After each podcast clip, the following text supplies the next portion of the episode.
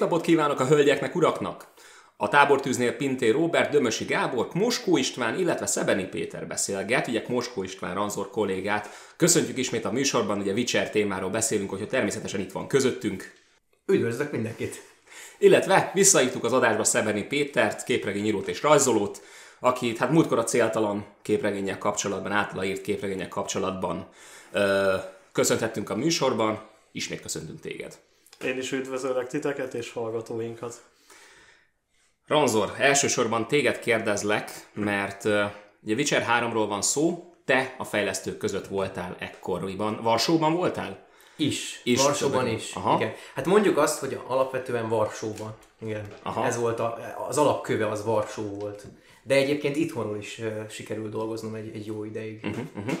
És milyen volt a morál ugye a CD projektnél ugye a második rész után? Mert azért más volt, mint mondjuk az első és a kettő között. Van egy olyan érzésem. Hát most, ha magamon kívül szeretnék beszélni erről a találkozásról, akkor, akkor azt kell, hogy mondjam, hogy alapvetően a Witcher 2, amikor elkezdett készülni, az már a Witcher 3-nak az elkészültét jelentette a CD projektnél. Ők ezt már 2008-ban megtervezték, hogy a harmadik rész lesz az, ami majd oda fog csapni, uh-huh. és 2008-ban már el is akarták kezdeni fejleszteni a Witcher 3-at, de nem sikerült sajnos, ugyanis jött a csőd, előző részben beszéltünk róla, hogyha valakit érdekel, és el kellett csúsztatni a fejlesztés kezdetét 2011-ig. Ez volt a, az, a, a, a kezdete a, a Witcher 3-nak, pedig még akkor jött csak ki a Witcher 2. Ez ér, ér, érdekes, érdekes, érdekes történet, hogy miért, meg hogy, meg mint. A, hogyha az alapjairól akarunk beszélni, akkor az volt a, azok voltak az alapkövei annak, hogy, hogy fejleszünk egy harmadik részt, és fejlesszük, csináljunk egy, egy bocsánatkérést a Witcher 2 után, mert egyébként ők is így gondoltak rá, hogy inkább hasonlítson a Witcher 1-re, és emiatt egyébként újra is játszották a Witcher 1 és újra is nézegették Youtube-on, mert totál, majdnem nem totálisan megfeledkeztek a Witcher 1-ről. Nagyon durva az ember benne van egy fejlesztésben, hogy mennyire el tud feledkezni más dolgokról, és mennyire arra koncentrál, amiben benne van.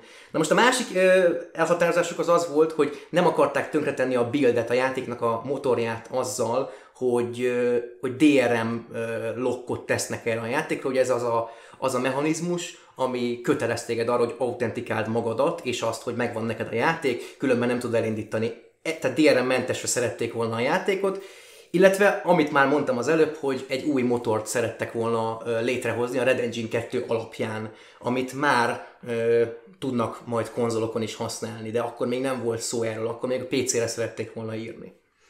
És nagyjából most há- akkoriban hány ember és mennyiből dolgozott ezen a projekten?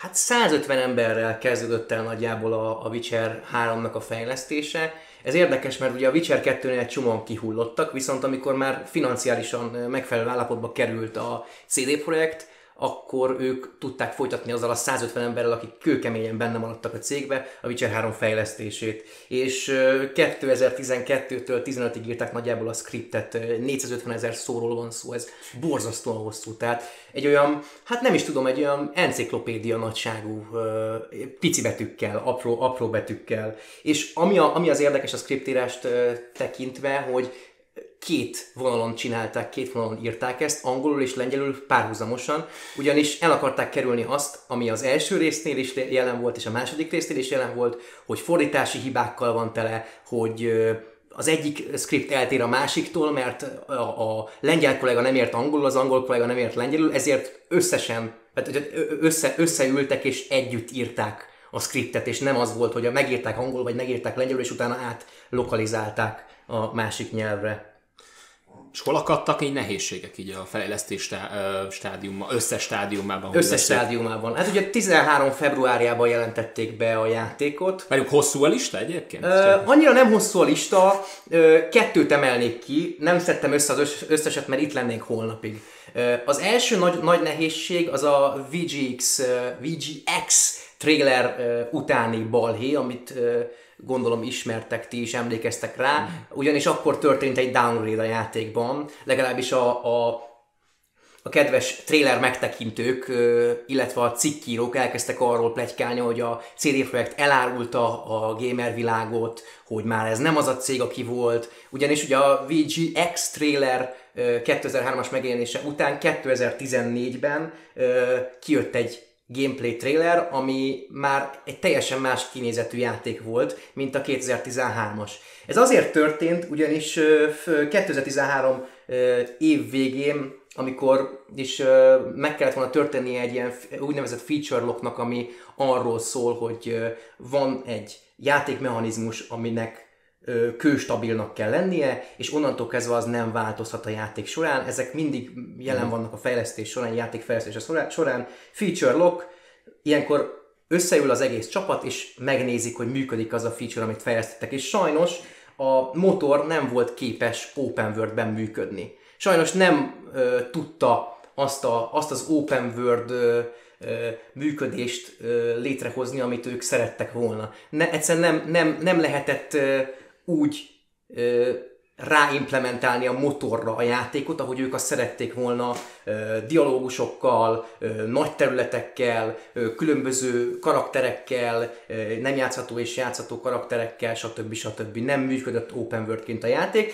ezért ö, az történt, hogy mivel tanultak a Witcher 2 és az egy hibáiból, összeültek a fejlesztők, egy drasztikus lépést kellett hozni, és újra tervezték tulajdonképpen az egészet, az egész projektet úgy, ahogy van, és a motor kapta a legnagyobb át, legnagyobb ránc felvarrást, teljesen átdolgozták, optimalizálták, és egy olyan buildet választottak inkább a, a motornak, ami, ami, mert egyébként különböző bildek vannak mindenféle motornál, tehát nem, nem egyfajta, tehát nem, nem egy irányba megy el egy motor általánosan, hanem, hanem több irányba, és egy, kiválasztottak egy olyan bildet, ami mind az éjszakai kinézetet és mind a, a nappali kinézetet ö, jól kezeli. Mert ugyanis a, a trailerben egy ilyen, egy ilyen ö, manuálisan megalkotott, uh, nyilván van mindig egy ilyen, egy ilyen trailer build, amit, amire építünk, amivel bemutatjuk a játékot, az egy, az egy uh, apró részlete a játéknak, és nem működhet úgy, ahogy, egy, ahogy, ahogy a játék a végén. Ez, ez vertical slice volt amúgy, amit uh, láttunk a trailerben? Persze, természetesen. Ja, jó. Alapvetően uh, ezek a buildek, ezek nem, tehát ezek, amikor először bemutat, bemutat egy nagy csapat egy játékot, akkor ezek tűpontosan meg vannak tervezve. Tehát nem úgy működnek, ahogy azt az ember elképzeli, hogy hú, látok egy hatalmas világot, és akkor mind elmehetek már abba a buildbe. Nem, nem mertek el, csak szépen kicsicsázták, hogy az jól nézzen ki. Mm. Nyilván a CD Projekt ezt nem feltétlenül így csinálta, de az még egy, akkor egy olyan build volt, amit nem is kellett volna megmutatni, ezt később be is vallották. És hát sajnos ebből lett is balhé, ugye erről beszéltünk, és annak okán, hogy át kellett dolgozni a teljes motort, megjelentek a crunch time-ok. És nagyon durván a teljes 2014-es év az, az azzal telt el, hogy crunch time-ok közepette kellett dolgozni mindenkinek, tehát tudok mesélni saját tapasztalatból is, én átálltam 36 órás napok, napokra, tehát 36 Hi. órát dolgoztunk, és hát, utána... 36 órás napok? Hát mondjuk azt, hogy 48 órás napok, és 36 órát abból dolgozunk. Aha. Tehát 36 óra munka, és utána 10-12 óra alvás. Tehát, hogy ez, ez nagyjából így állt össze, e, így, így, így állt össze egy napunk. És ö, egyébként nem panaszkodtunk, saját döntésünk volt, mert ha az ember benne van a fejlesztésbe és kiugrik belőle, akkor onnantól kezdve nem feltétlenül tudja úgy folytatni, ahogy azt kell. És sajnos egyébként ez sajnos az embernek a hmm. bioritmusát teljesen széjelszedi, erről majd beszélünk, de, de, de, de hogyha benne vagy egy ilyen projektben, hogyha szereted azt a projektet, akkor nem fogod hagyni, hogy, hogy befolyásoljon téged az idő, és sajnos elveszted az időérzéketet, és nem fogod észrevenni, hogy te 36 órákat ott vagy. És ráadásul ez tudatos is volt. Tudatosan maradtunk ott 36 órát fejleszteni. Nagyon durva. Hogy érzed egyébként a srácok, hogy élték meg ezt a dolgot? Tehát, hogy amikor kész lett a játék, akkor az volt, az csapódott le bennük, hogy igen, ez megérte? Hát én azt mondanám, hogy igen, de amikor az ember ben van egy ilyen fejlesztésben, akkor nem erre gondol. Akkor az ember arra gondol, ugye a Witcher-t azt kétszer tolták arra, kétszer tolták el a megjelenését. Először 2014-ben jelent volna meg, aztán megjelent volna 2015-ben, és végül ugye 2015 végén jelent meg. Tehát, hogy kétszer kellett eltolni a játékot. Mármint, hogy a, az első negyed év végén, tehát hogy a május, májusában jelent Hát meg 2011 Q3-ban jelent volna meg alapvetően, Igen. aztán 2015 februárjában, aztán megjelent 2015 Háromban. májusában, Aha. igen. És ilyenkor az ember fejlesztőként ezt úgy éli meg, hogy jó, de jó, milyen jó, extra fejlesztési idő. Nem gondolsz abba bele, hogy akkor, hogy akkor most neked ez mibe fog kerülni, hogy te nem, neked nem lesz életed, nem fogsz napfényt látni, nem, nem, nem, nem fogsz úgy élni, ahogy, ahogy azt a szervezeted eh, megköveteli. Tehát, uh-huh. hogy, hogy ebben nem gondolsz bele, és természetesen a, a, a végén persze, hogy úgy éreztük, hogy megérte, mert hát ránéztek, ránéztek a Witcher 3-ra, szerintem mindannyian azt tudjuk mondani, hogy azért ez egy olyan dolog, ami, ami, ami, ami nem is szabadna léteznie, nem, nem, nem lehetetlen, hogy, hogy, ez, hogy ez elkészülhetett így.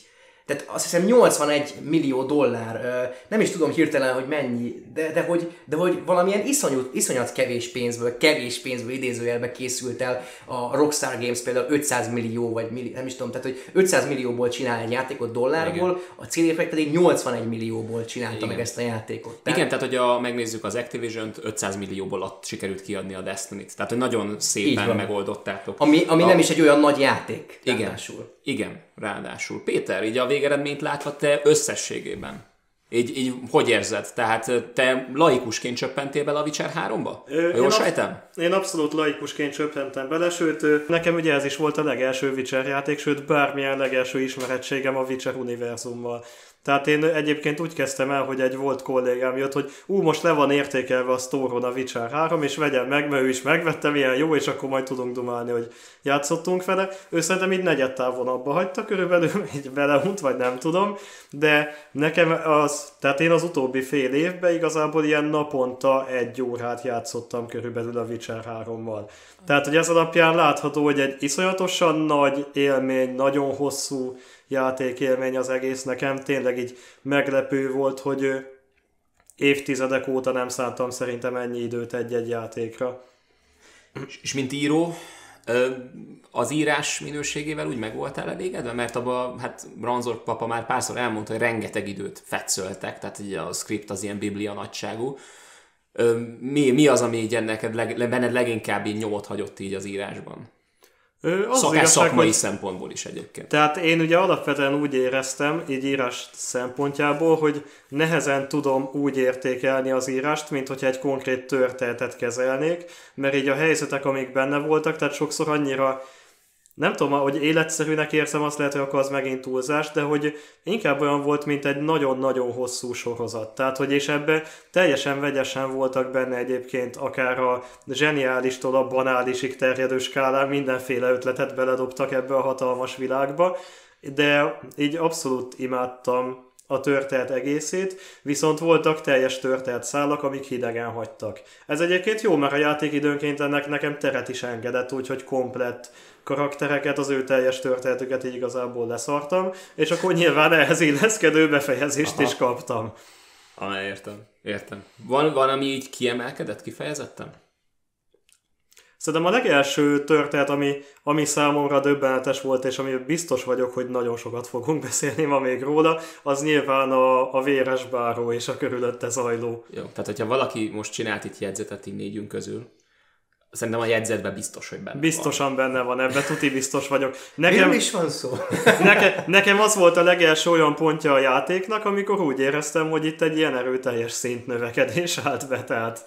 És onnantól voltak még egyértelműen ilyen magas pontok, amik viszont nem, érdekes, hogy nem feltétlen voltak a játékon belül is a, azok a dramaturgiai pontok a legjobbak, amiket ugye úgy érezni az ember, hogy a legmagasabbnak kéne lenniük, hanem itt teljes, tehát néha egy egészen random módon elszórva volt egy pár olyan helyzet, ahol, ahol úgy éreztem, hogy ez most nagyon-nagyon jó történet szempontjából. A másik az alaptörténetből szerintem a Jennifer és Geralt között és a a Jean, igen, a Jean, Jean. story. Az Aha, volt. The Last az, Wish, ugye az utolsó igen. kívánság nevű. Szerintem az volt még a másik a történet, amiben egy az alaptörténetből a legmélyebben megmaradt. Pedig bennem. az csak egy mellékküldetés. Az csak egy mellékküldetés, akár ki is hagyhatnád kompletten, nem fontos a fő sztori végigviteléhez. De, de az, azok alapján, amit elmondtál, egyébként nagyon jól lejön, hogy jól kezelték a sztorit a, az írók. Mert a küldetésekben olyan slice of life, tehát egy ilyen kis csak így belecsöppensz egy ilyen szituációba, és teszel, amit teszel. De sokszor ahogy, ahogy belecsöppensz, már bizonyos dolgokon nem tudsz változtatni. És tehát nem, nem, nem tudod meg, meg eljátszani a hőst, a megmentőt, mert sokszor már annyi sérelem egy, ö, halmozódott fel egy adott helyzetben, hogy már csak több bizonyos, bizonyos utakon futhat az már ki. Tehát ez egy, ez egy nagyon okos megoldás volt. Viszont amiben teljes egészében bele tudod élni magad, azok pont, hogy például a véres báró történet az egyik ilyen. Ami, ami, ami viszont egybe függ a Siri ö, lekövetése, lekövetésének a sztoriával. Az a vicc egyébként az egészben, hogy a, az összes olyan az összes olyan uh, story szál, amiben csak így belecsöppensz valahol a közepébe, ez egyébként abból, amit Geráltal elindítottál a három játék alatt, ilyen életút végigkövetés, ez kompletten uh, hozzá tartozik. Hogy Gerált csak így belecsöppen másnak az életébe. És ez tök jól összejön egyébként, hogy, uh, hogy Gerált ahogy halad városról városra, tök jól átadja egyébként a, a Witcher világnak, a könyv világának a, a, az érzetét, mert ott is mindig ez van, hogy Gerált ugye járja az utat. Folyamatosan uh, szörnyeket vadász, megbízást teljesít, ide megy, oda megy, járja a világot. És mindig belecsöppen ilyen dolgokba, amiben választanod kell kisebb, nagyobb, közepes, nagyon gázhelyzetek közül, és valahogy ki kell belőle vágnod magadat. Sokszor van olyan egyébként a játékban, hogy nem tudsz úgy dönteni, hogy, hogy boldog legyen az, aki, aki a megbízást adta. Nincs rá megoldásod, mert te már a, a közepébe csöppensz a sztorinak. Tehát vannak olyan mellékküldetések, ahol effektív az lenne a, a feladatod, hogy mentsd meg az adott akárkinek a rokonát. Nem tudod megmenteni, mert mire odaérsz, addigra már halott. Tehát, hogy előtted sokkal meghalt. És tök jók az ilyenek, mert látszik az, hogy egyébként Gerált körül is zajlik az élet. És nem csak Gerált élete zajlik. De tudod, hogy egyébként miért tud ez ennyire működni? Miért, miért ö, ö, látod te ezt így? Azért, mert alapvetően a Witcher 1-nél is elmondtam, hogy betonbiztos volt az elejétől kezdve az, hogy mit szeretnének elérni a fősztorival, tehát a koncepció az betonbiztos volt, viszont a mellékküldetéseket illetően a CD Projekt megadta a teljes kreatív szabadságot az íróknak, tehát azt csinálhattak, azt írhattak, amit szerettek volna, és ami megtetszett a direktornak, ugye nem, nem a fődirektornak, tehát nem Márcsiról beszélünk, a CEO-ról, hanem van, egy ilyen, egy ilyen ö, ö, designer, illetve quest, quest designer is, és van a lead quest designer is, aki beleszólhat mindenbe, amit te írsz. Ha megtetszett neki, akkor bele tudta szőni tökéletesen a main storyba. De egyébként a, az összes író, akinek kreatív szabadságot ad, adtak, bármit tehetett. Tehát nem kellett bent lenniük az irodába, elmehettek akár, mit tudom én, egy, egy kínai gőzfürdőt venni Kínába, hogyha írtak egy olyan jó sztorit, ami, ami megtetszett mindenkinek, amit, ami, ami, ami, ami, amit el tudtak adni a közönségnek, és be tudták illeszteni a Witcher uh, main mellé. Tehát ez... a, amikor, a, amikor a kreatív folyamatnak meghagyod azt, hogy kreatívan összegyűjthest hozzá az alapanyagot. Tehát így elengeded a kreatívoknak a kezét, hogy menjetek, derítsétek föl a világot, és gyertek vissza egy sztorival. Halálosan jól működik egyébként a játékban. És mondom, nagyon sokszor ez érződik, hogy Geráton kívül is egyébként zajlik az élet, és ezért lesz iszonyat érdekes egyébként a, a Witcher 3-nak a sztoria, legalábbis nálam, hogy tök mindegy, hogy mit csinálok, körülöttem zajlik az élet. Most teljesen mindegy, hogy én bemegyek abba a városba vagy sem, tudom, hogy az ott élő emberek élni fogják az életüket. Így van. Egyébként ez azért is, hát most ilyen, ilyen te, sokszor fogok jönni azzal, hogy ez azért is, meg amazért is, mert ugye láttam személyesen, hogy, hogy miért, mi hogy működik. Ez pontosan azért tud működni, nagyon sokat fogjátok ezt tőlem hallani, ugyanis a, a a különböző NPC-k is mind egyesével vannak elhelyezve a városokban. Minden egyes kis része a játéknak kézzel van elkészítve. Mi, a, az, a legapróbb pici kis növényzettől kezdve a legnagyobb uh, quest dialógig, tehát minden kézzel van készítve. Két darab uh, automatikus, uh, vagy automatizált mechanizmus van, ezek moduláris különböző mechanizmusok, a fűnek az elhelyezkedése, de ezt is le kellett programozni, tehát azért ez is munka volt, illetve a Word Map generátor, tehát amit csinál egy ilyen landscape amire te tudsz építeni, és meg tudod adni neki, hogy hogy nézzen ki, és csak ilyen sík területeket, meg magas területeket lerak neked, és onnantól kezdve azt csinálsz rá, amit akarsz. Ez a kettő volt automatizált a játékban. Én nem hallottam még ilyen mesterműről, ha ezt az oldalát nézzük, hogy, hogy ezek idióták, tényleg, tehát nem normálisak. Belefetszölték az idejüket, de úgy, hogy, hogy fizetésükön és ö, munkaidejükön túl leültek, és nem hagyták ott, és fogták, és kézzel mindent oda helyeztek, és nem, nem adtak alább. Erről majd még fogunk beszélni a, a Blood and Wine esetében, mert ott aztán, na ott aztán megtörtént az, aminek meg kellett történnie.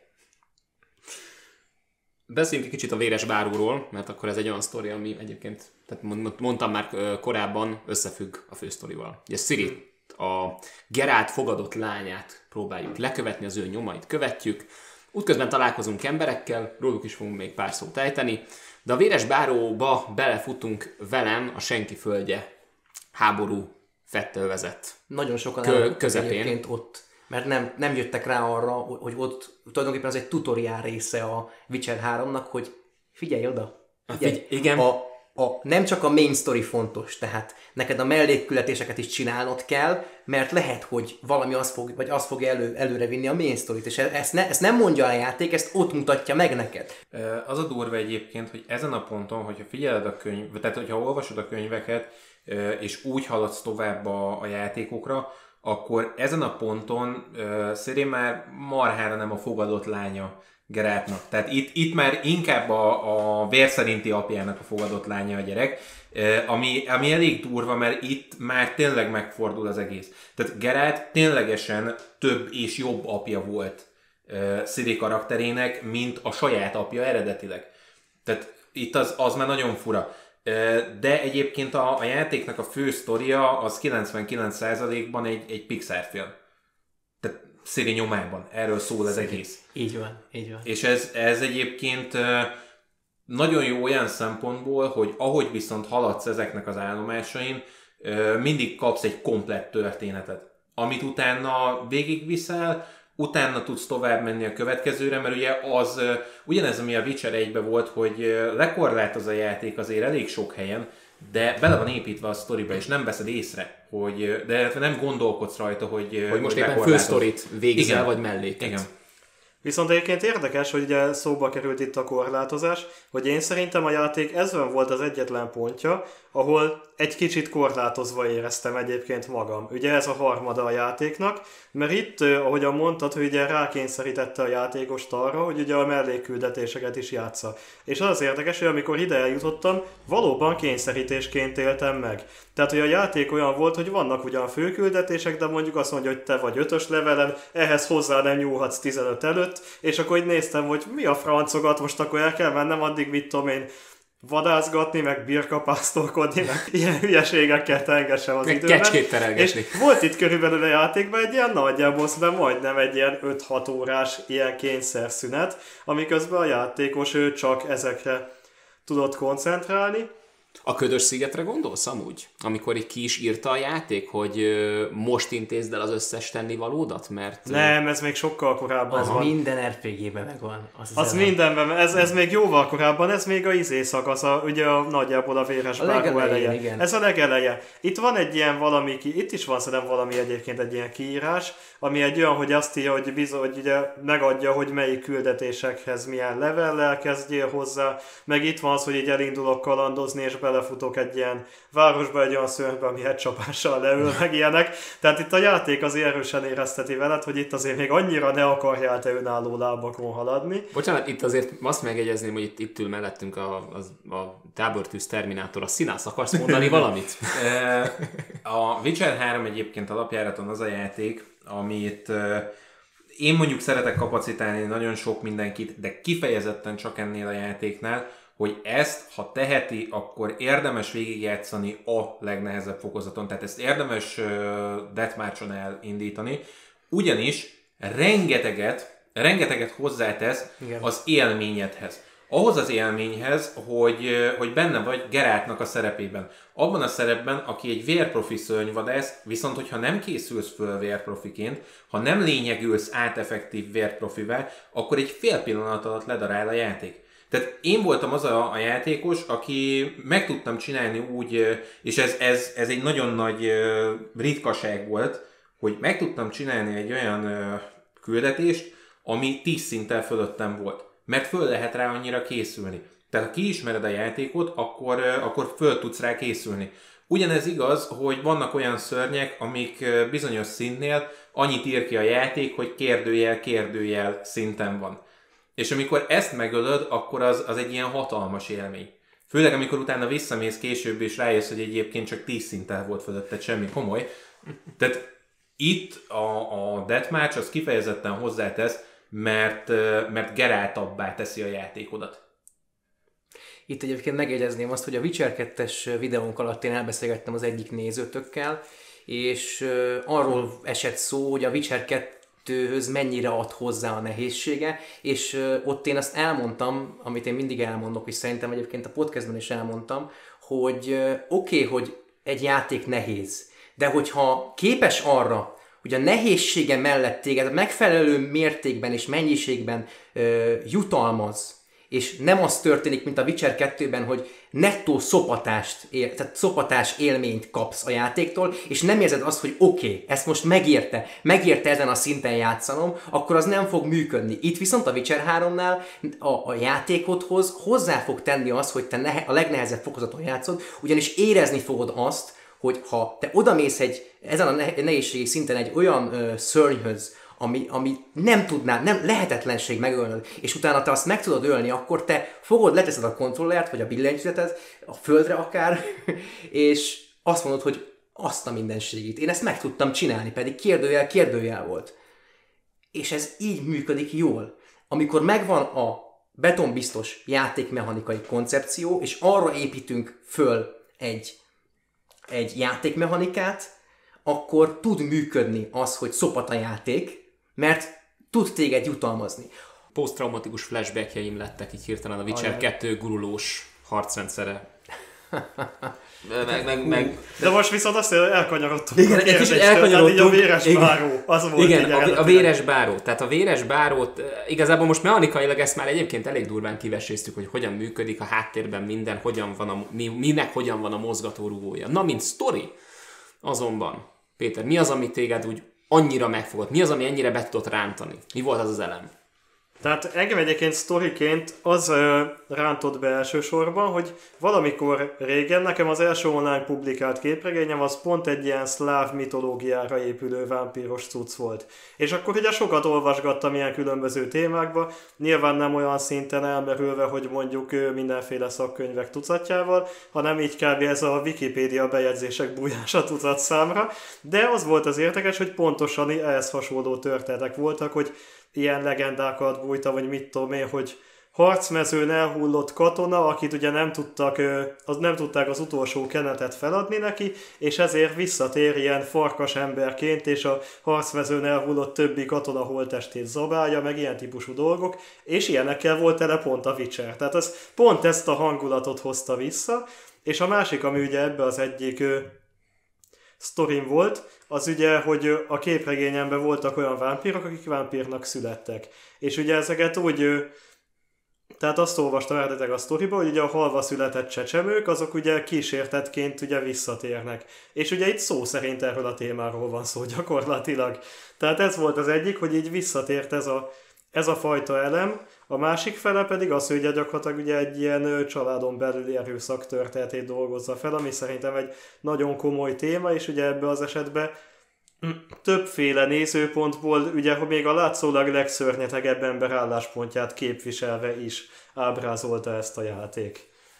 Onnan tudod a Vörös Báróról, hogy tényleg a megbánása őszinte volt, hogy a kislány visszajön szellemként. Igen, amiben egyébként nem vagy biztos, tehát hogy úgy Igen. megy bele ebbe a báró egyrészt, meg úgy megy bele ebbe Gerált másrészt, hogy egyikük sem biztos abban, hogy, hogy ez sikerrel fog járni, és hogyha ez nem járt volna sikerrel, egyébként közben jönnek a démonok, amikor ott megpróbálod, tehát el akarják vinni ezt, a, ezt az érzést, meg akarják törni ezt a, ezt a próbálkozást, hmm. és a bárónak a lelkesedése, hát lelkesedése a, az akarat ereje, és Gerált akarat ereje segít ezen túllépni, és, és a végéig elvinni ezt az egész dolgot. Pedig tényleg nem tudják, hogy ebből mi lesz. Hogyha nem sikerült volna, hogyha nem lett volna őszinte ez a pillanat, akkor abból lehetett volna egy hatalmas katasztrófa is. Meghalhatott volna Gerált, meghalhatott volna a báró, vagy akár az egész, tehát egész velen elpusztulhatott volna egy színültébe. Tehát nagyon, nagyon durva dolgok is történtek volna csak azért, mert ők azt választották önző mód, hogy akkor törjük meg ezt az átkot. Ez egy hatalmas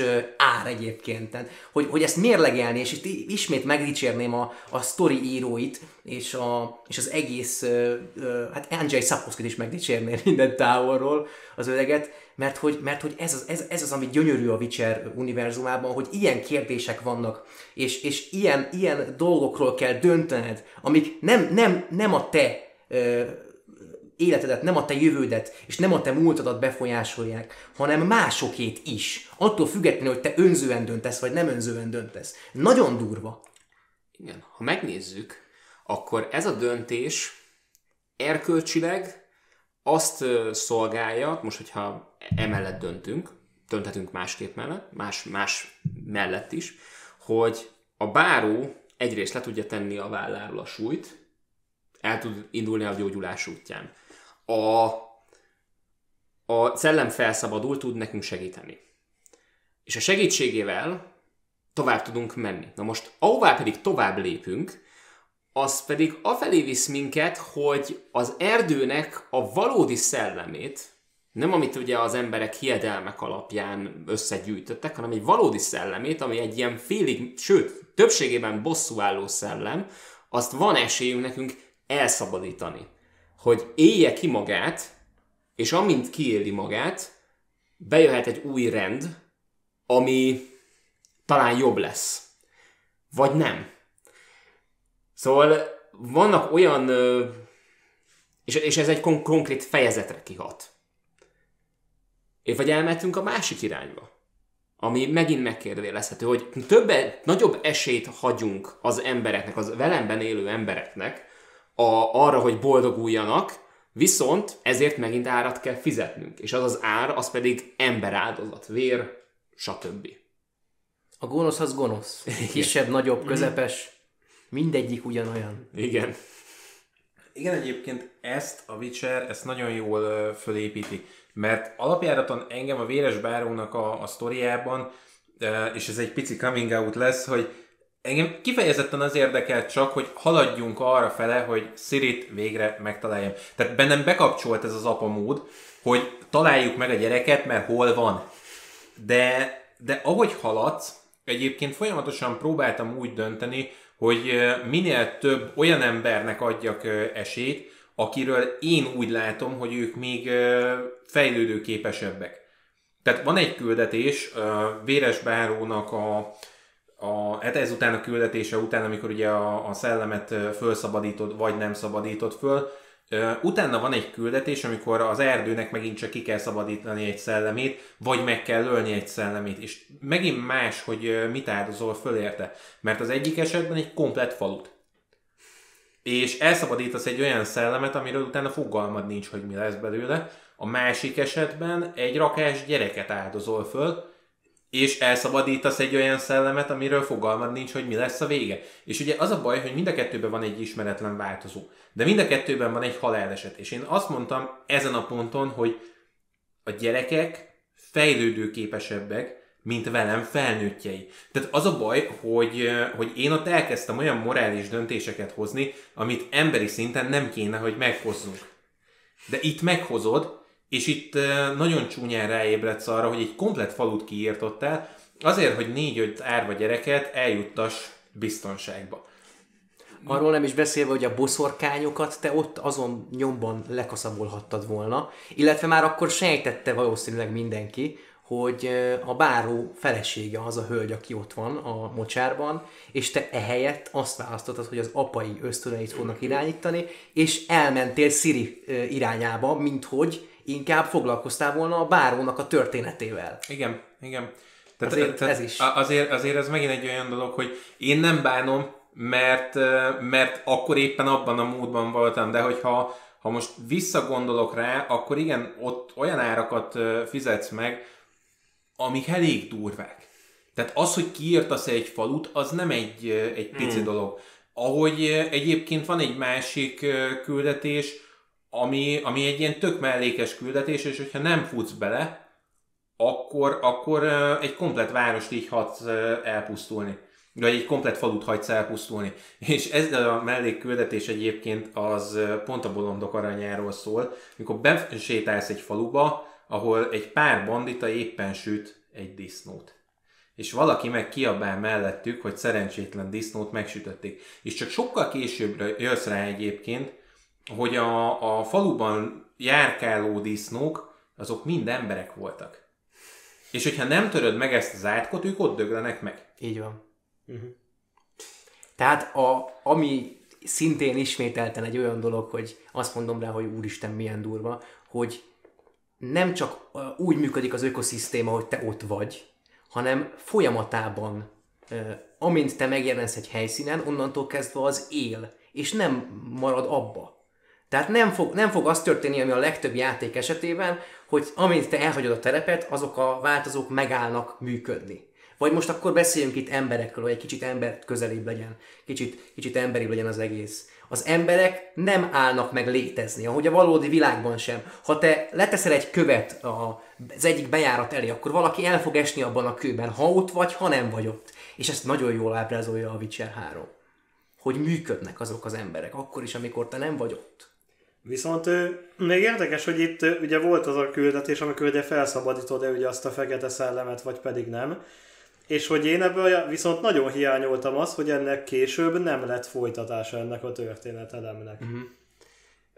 nem lett folytatása, valahol ezt én is egyébként úgy sérelmezem. Tehát ez kifejezetten, Igen. Ugye, a, egy ideig még féltem, hogy azok a rohadt boszorkányok is eltűnnek, de hála Istennek azok nem. De... Mondjuk én, viszont... ő, bocsánat, én úgy gyűlöltem őket, hogy igazából én hát örültem azért... volna, hogy eltűnnek. De... Hát én úgy értem az eltűnést, hogy én látni Le akartam őket újra, hogy megölhessem. Ja, megölhessem. Tehát én mindenképpen az... azt akartam, hogy ők ki legyenek újra, hogy megölhessem Jó. őket. Hát tetszik a gondolatmenet. Uh, Igen. Egyébként az a csúnya, hogy de, van neki foganatja, csak azt már nem látod, mert addigra a Witchernek a, a játék része az véget ér. Tehát az a baj, hogy ezek, ezek a sztori szálak, ezek kifejezetten azok a fajták, hogy azért nem látod a végét, mert mondjuk 10 vagy 20 év múlva lesz ő neki valami foganatja. És hogyha ebbe belegondol, sokkal ijesztőbb egyébként. Most kiszabadítottál egy szellemet, mi lesz belőle 20 év múlva. Igen, és menned kell tovább. Nem teheted meg, és nem csak azért, mert a sztori ezt diktálja, hanem egyszerűen meg karakter, Geralt karakterében benne van az, hogy ő megy tovább az úton. Igen. Viszont volt egy ugyanilyen történet, egy másik, amikor viszont a játék jól ábrázolta azt, hogy ő mi is lesz ugye a következmény, amikor a toronyba kellett kirával felderíteni ugyanúgy egy halálesetet, és ugye abból is lett egy kísértet, és a végén kiderül, hogy amikor felszabadítod, igazából nem felszabadított, hanem csak még erősebb lesz, és megy gyilkolni. És ott így el is mondják, hogy ja, és akkor tíz év múlva lett egy nagy pestis járvány, amit ő okozott, jaj, de jó. Tehát az úgy nagyon vicces volt a játék részéről. Szényerű. Szényerű. Egyébként te- teljesen nem igaz, mert az, amit az előbb mondtam, így visszatérve a véres báróra, mert a véres báró attól függően, hogy milyen végkimenetelt választasz, vagy újra összejön a feleségével, vagy nem. A lányuktal vagy megbékél, vagy nem. Na most itt az a lényeg, hogy ha felszabadítod a szellemet, akkor ott olyan olyan energiák szabadulnak fel, és ezt nem tudod megmagyarázni jobban. Olyan dolgok kezdenek el történni, amik, igazá, amik igazából abba az irányba terelik az ott élő embereket, hogy hogy már ne visszamenjenek, hanem előre menjenek az életükben. És onnantól kezdve nincs visszaút, nincs már olyan, hogy a báró újra összejön a, a, a feleségével, a lánya visszamegy hozzájuk, hanem mindegyik megy tovább azon az úton, vissza nem nézve.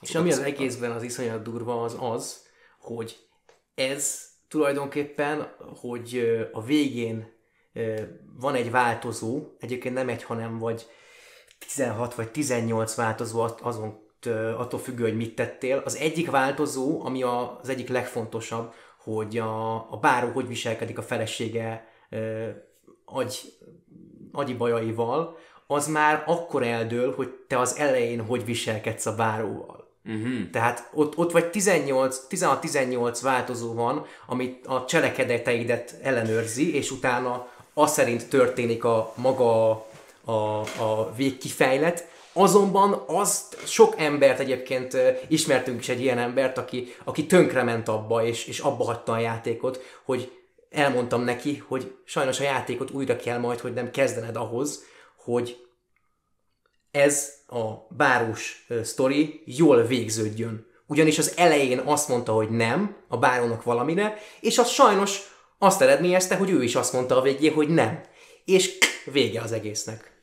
Az, az a durva, hogy a, a Witcher 3 egyébként lépten nyomon operál ilyen küldetésekkel, hogy elvetsz egy magot valakinek az agyában, és azután a küldetés végére kinő valamivé. És attól függően, hogy te ezt hogy gondoztad ezt a kis növényt, amit, uh, amit elültettél az agyában.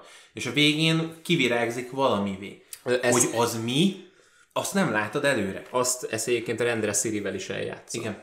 Hogy az utol, ut- utolsó harmadik, hát már, már amennyire fel lehet így három, hármas struktúrára bontani így a Witcher 3-at, a harmadik, nem nagyon lehet. Nem nagyon lehet, és itt egyébként rátérnék egy kicsit, hogyha mindenki okés ezzel, hogy... Hát még, van, még van egy, egy pici hozzáfűzni valóm az, hogy ami a Witcher egyben nagyon jól működött, az, hogy minden döntésednek következménye van, az a Witcher 3-ban hál' Isten ugyanúgy jelen van, és ugyanúgy érzed, és nagyon örülök annak, hogy visszatértek a gyökerekhez a CR projektnél, hogy folytonosan, és, és megállás nélkül érzed azt, hogy basszus, hogyha én most valamit rosszul csinálok, és nincs olyan rosszul csinálsz valamit, mert csak csinálsz dolgokat. Úgyhogy végig a fejedben van, hogy úristen, lehet, hogy ezt nem kellett volna.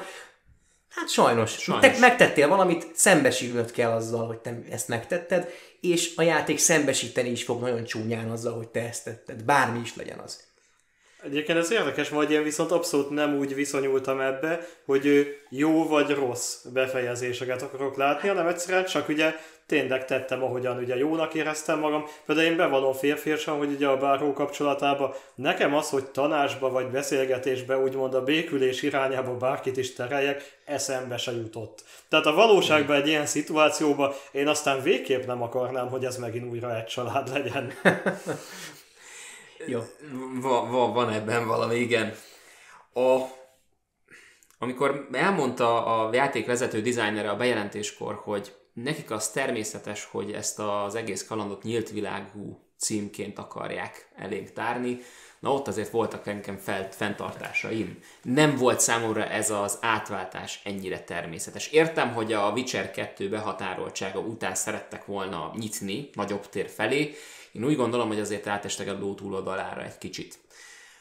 A elsősorban az a problémám, hogy mint hármas struktúra nagyon nem működik a Witcher 3. Tehát egyrészt mert nyílt világú cím, és rengeteg felé szétágazik, rengeteg apró szála van, ezért nehéz, nehéz feltagolni hármas egységekre. Másrészt ugye túl nagyok a területek, magyarul a területek nagysága az már alapvetően úgymond behatárolja, hogy mennyire, mennyire lesz nagy egy adott fejezet, hogyha elkezdesz ott nagyon, nagyon jobbra-balra megyegetni. És hát az a helyzet, hogy kicsit túlzásba vitték a srácok, ugyanis ugye ott van a, az elején White, or, White Orchard, a fehér gyümölcsös, ami az egy, egy kis... kis lájtos kis pici. Igen. Igen. Aztán bedob téged szó szerint a senki földje közepére, és az a rohadt nagy.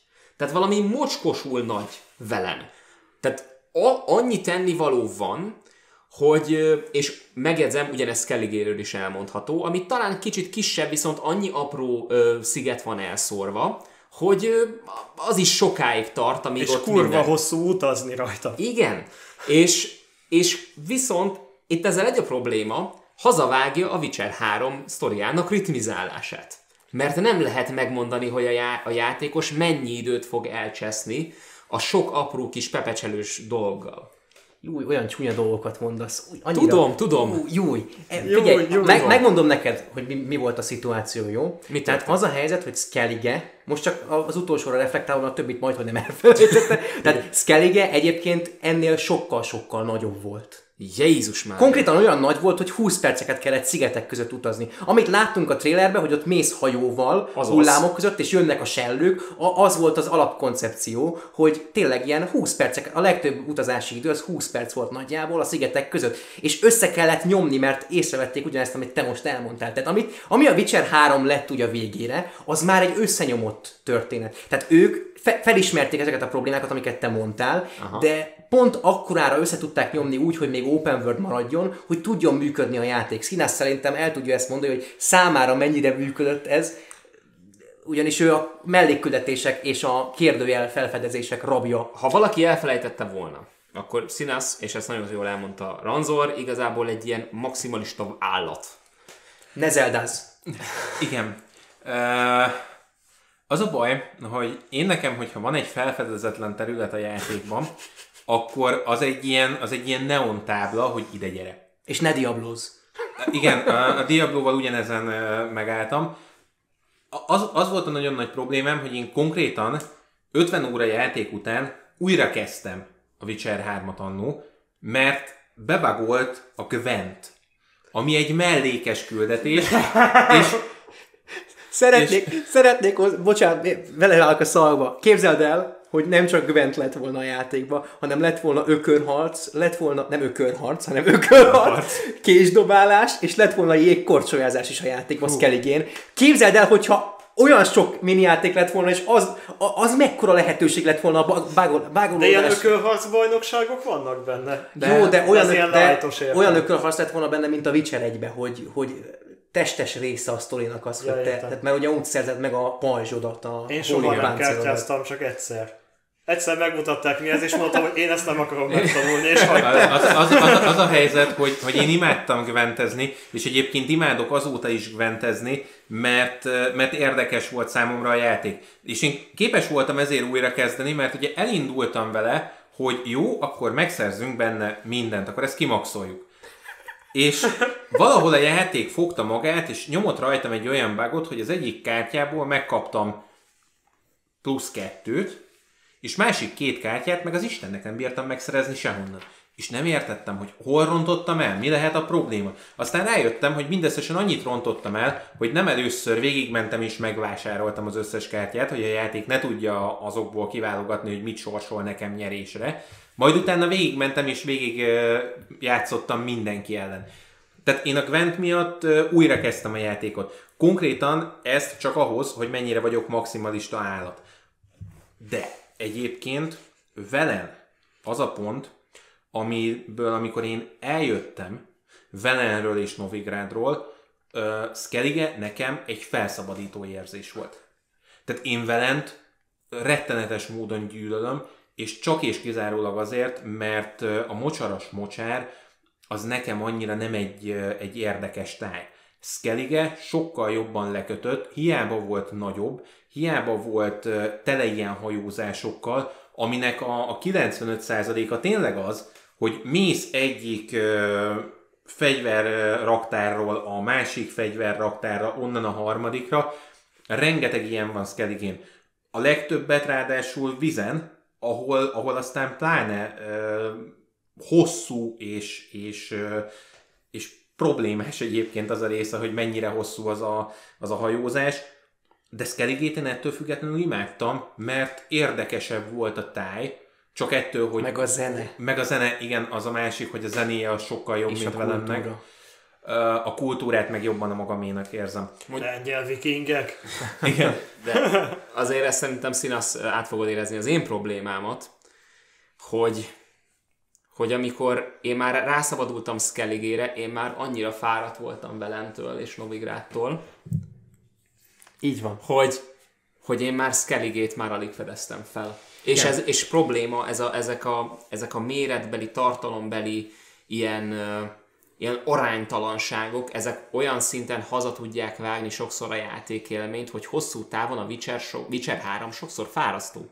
Én élveztem Skelligét. Élveztem. Skelligét, azt a keveset, Persze. csak már időhúzásnak véltem, azt ö, így a sztori mellett ennyi ilyen apró kis minden ilyen kitérőt tenni, mert nincs elég sztori ahhoz a mennyiségű tartalomhoz, mellékküldetés tartalomhoz. Az egyébként igaz, hogy a sztori valóban át, átrohant Skellig. Hát főleg, főleg az, hogy és utána... utána visszatér megint egy korábbi helyszínre. Igen, hogy utá, utána t- tovább mész, és tulajdonképpen végez Skelligének, hogy ott vagy, megcsinálsz egy pár dolgot, és utána rohansz tovább, és kezdődik az Act 2, Act 3, és akkor megyünk, és, és Skelligére csak a végén térünk vissza. A, e- erről két dolog is eszembe jutott. Az egyik az az, hogy a, amit te mondtál, hogy belefutottál egy bugba. Képzeljétek el, hogy 2014 decemberében, ami 5 hónappal a release előtt, mert ugye májusban, 2015 májusában jött ki a játék, 5 hónappal a release előtt 5000, több mint 5000 nyitott bug volt a, a játékban, és abból 2700-800 Skelligén volt. És ez annyira durva volt, hogy konkrétan a One patch volt az, ami Skelligét helyre rakta. Skelligén voltak olyan részek, amik, amikre, hogyha oda mentél, akkor kiestél a pályáról, mert nem volt ott semmi. Lyukas volt a játék. durva. Konkrétan a, a sajtó, sajtó példányokban nem volt, egy, szerencsére egyik sajtós se jutott el odáig, vagy nem találta meg ezt a bugot, mert csak a main misszión ment keresztül, mert azok meg voltak csinálva. Gondolom a tesztek miatt általában ugye egy tesztnél végig rohannak a teszterek, mert nincs elég idő hozzá a main story Ha kimentek volna arról a vonalról, akkor kiestek volna a pályáról, és írták volna, hogy nem 9, mit tudom én mennyi, hanem 7,6 pont a játék. És a Day One patch javította ezt ki. Nagyon durva, 5 hónap alatt, gondoljatok bele abba, milyen crunch time-ok voltak ott, hogy 5 hónap alatt a QA departmentnek ki kellett, vagy le kellett ö, jelenteniük a, az összes többi megjelenő problémát, és illetve ki kellett javítani a programozó csapatnak a, az 5000 nyitott tiketet. Tehát hihetetlen durva, főleg a, a, úgy durva ez, hogy azért mindannyian tudjuk, az által is, amit mondtatok, hogy Skellige volt a legkevésbé fontosabb része a játéknak, a többit nagyjából ki tudták fércelni, viszont Skellige megmaradt úgy, ahogy, mert egyszerűen nem volt rá idő, már így is kétszer kellett eldilélni a játékot. Nagyon durva. Hihetetlenül durva. Mondjuk az jutott itt már közben sem, azért nem vagy eszembe, hogy nem irigylem azért azt a tesztert, aki így megkap egy ilyen játékot, hogy egy ilyen 60 órát jön bele hirtelen, hogy befejezze a tesztíráshoz. Meg még ugye Skelligénél engem az volt, ami nagyon furcsa, hogy ugye említetted már ugye a ködös szigetet, hogy ott így el van játszva a ködös sziget, hogy na akkor most mindent intézél el, innen már nincsen visszaút, és akkor játék 40%-a meg volt kb. Tehát annyira rohadtul azt érez, ú, akkor most biztos ilyen végső összecsapás, akkor megszerezzük Siri, de így semmi nincsen utána, ami, nincsen utána semmi, aki, ami akadályoz abba, hogy visszatérj az előző pontokra mellékküldetésekkel pepecselni, meg kérdőjeleket kihúzni, tehát így igazából annak nem volt ott semmi jelentősége. De volt, nagyon nagy jelentősége volt, egy csomó mindennek, egy csomó mindent utána már nem tudsz megcsinálni, amit valószínűleg nem észleltél. Egy csomó küldetésben nem tudsz belekezdeni, ami például, van egy küldetés, amit konkrétan nem tudsz befejezni, ami a báróval kapcsolatos lett volna, illetve ott van egy ventes küldetés is, ha jól tudom, amit nem tudsz befejezni. Vannak olyan kontraktek, amik Skelligére vonatkoznak, és nem tudod őket befejezni, mert elkezd változni maga a, a, a környezet, és Aha. nem, nem, nem lesznek ott különböző NPC-k, ahol eddig voltak. Tehát rengeteg minden, és hogyha van nyitott küldetésed, akkor ott ki is írja, hogy küldetés sikertelen, és vörösen fogja írni. Nem tudom, hogy neked volt színásznak biztos volt olyan. Egy sikertelen küldetésem van, és az Novigrádban lépett föl, mert hogy társulnom kellett volna egy törpével, akivel én nem akartam társulni. Ez az egy És sikertelen volt küldetésem pofája a játéknak kérni, hogy sikertelen a küldetés. Na, ezt én jelentettem volna a bug depa- a QA Ne, department. nekem egyébként több sikertelen is volt, és az pont az volt, hogy meghalt a báró, erre kiírja a játékot, sikertelen küldetés, meg kellett volna kártyáznom vele. Spoiler free. És így, spoiler free. Egy pici akkor még Skelligéhez, mert Skelligéről nekem is rémálmaim vannak, de nekem kifejezetten amiatt, mert én belefutottam egy bálnába. Bána, épp a bálnát Úr akartam Isten. mondani a Skellige és Rémálmok kapcsán. A, a, Úristen. pro, a probléma ugyanis az, hogy eh, kettő olyan játék, vagy kettő olyan elem van a játékban, ami engem rettenetesen, eh, hát fölkavarta a gyomromat, maradjunk így. Eh, Az egyik az a három banyavelem végén, ugyanis az egyiknek a szeme az egy ilyen, hát egy ilyen légy, vagy pókszem, vagy nem tudom minek nevezem. darásfészek. Ilyen darásfészek konkrétan a szeme, és az, az nekem egy olyan élmény volt, hogy néztem, hogy jó, akkor most, most egyelőre ezt letesszük, mert, mert valahol levegőt kell kapnom. Tehát az a baj, hogy én láttam ilyen képeket, amikor, minden, amikor embereknek a tenyerébe vágnak, vagy rajzolnak lyukakat, és akkor azt föltöltik mindenféle kavicsokkal, én ezektől összerezzenek, tehát én ezektől megőrülök. Tehát az a banya az engem, az engem kikészített. A másik ilyen, az a bálna. Mert a bálnába úgy, úgy botlottam bele, hogy lementem egy, egy kérdőjelet megcsinálni, leúztam a, a víz alá, összeszedtem a cuccot, fordultam egyet, és elúszott mellettem egy bána. És tudni kell rólam, hogy ha, ha mellettem egy nálam 500-szor nagyobb állat uh, ugrik el, csak így, így lazán elhussan uh, a semmibe, ott, ott én nekem végem van. Tehát, tehát engem konkrétan állítottak már dinoszaurusz csontváz mellé, és azt mondtam, hogy köszönöm, nem. Tehát ha egy állat négyszer nagyobb, mint én, én attól parázok. Péter, mielőtt tovább megyünk, te hogy botottál bele a bánába? Egyébként érdekes, a sztori nálam is hasonló volt, viszont ez nálam úgy volt, hogy néha voltak ilyen adott kattanásaim a játékba, hogy amikor Gerált úszik, akkor nem vizezze már össze a páncélját, ezért nálam Gerált időnként alsógatjában pancsolt különböző helyeken, és egy- egyébként a legviccesebb az, hogy a Gines küldetésben pont úgy teleportálta hát Jennifer a hóba, hogy akkor is így volt. Emiatt Viszont a válnában is egy ilyen jelenet közepén mukkantam benne, hogy így leúztam, viszont mellettem nem elúszott a bálna, hanem egy ilyen egészen kísérteties látvány volt, hogy valami ott van a távolban, ami úgy néz ki, mintha egy nagyon nagy halnak mondjuk a szobra lenne, mert mozdulatlan. És csak egy közelebb úszok hozzá, és egy ilyen kísérteties elmosódó mozgással, mintha egyre távolodna, és akkor utána így egy csomószor így ehhez így vissza-visszatértem ugyanerre a fix pontra a játékba, és az érdekes, hogy itt helyileg mindig volt egy bálna. És így nagy nehezen így a Gerált megfulladt szintig így úszok le oda, hogy azt a nagy büdös halat meg kell néznem, és akkor jutottam el végre egyszer oda, hogy akkor tudtam látni, hogy az egy bálna.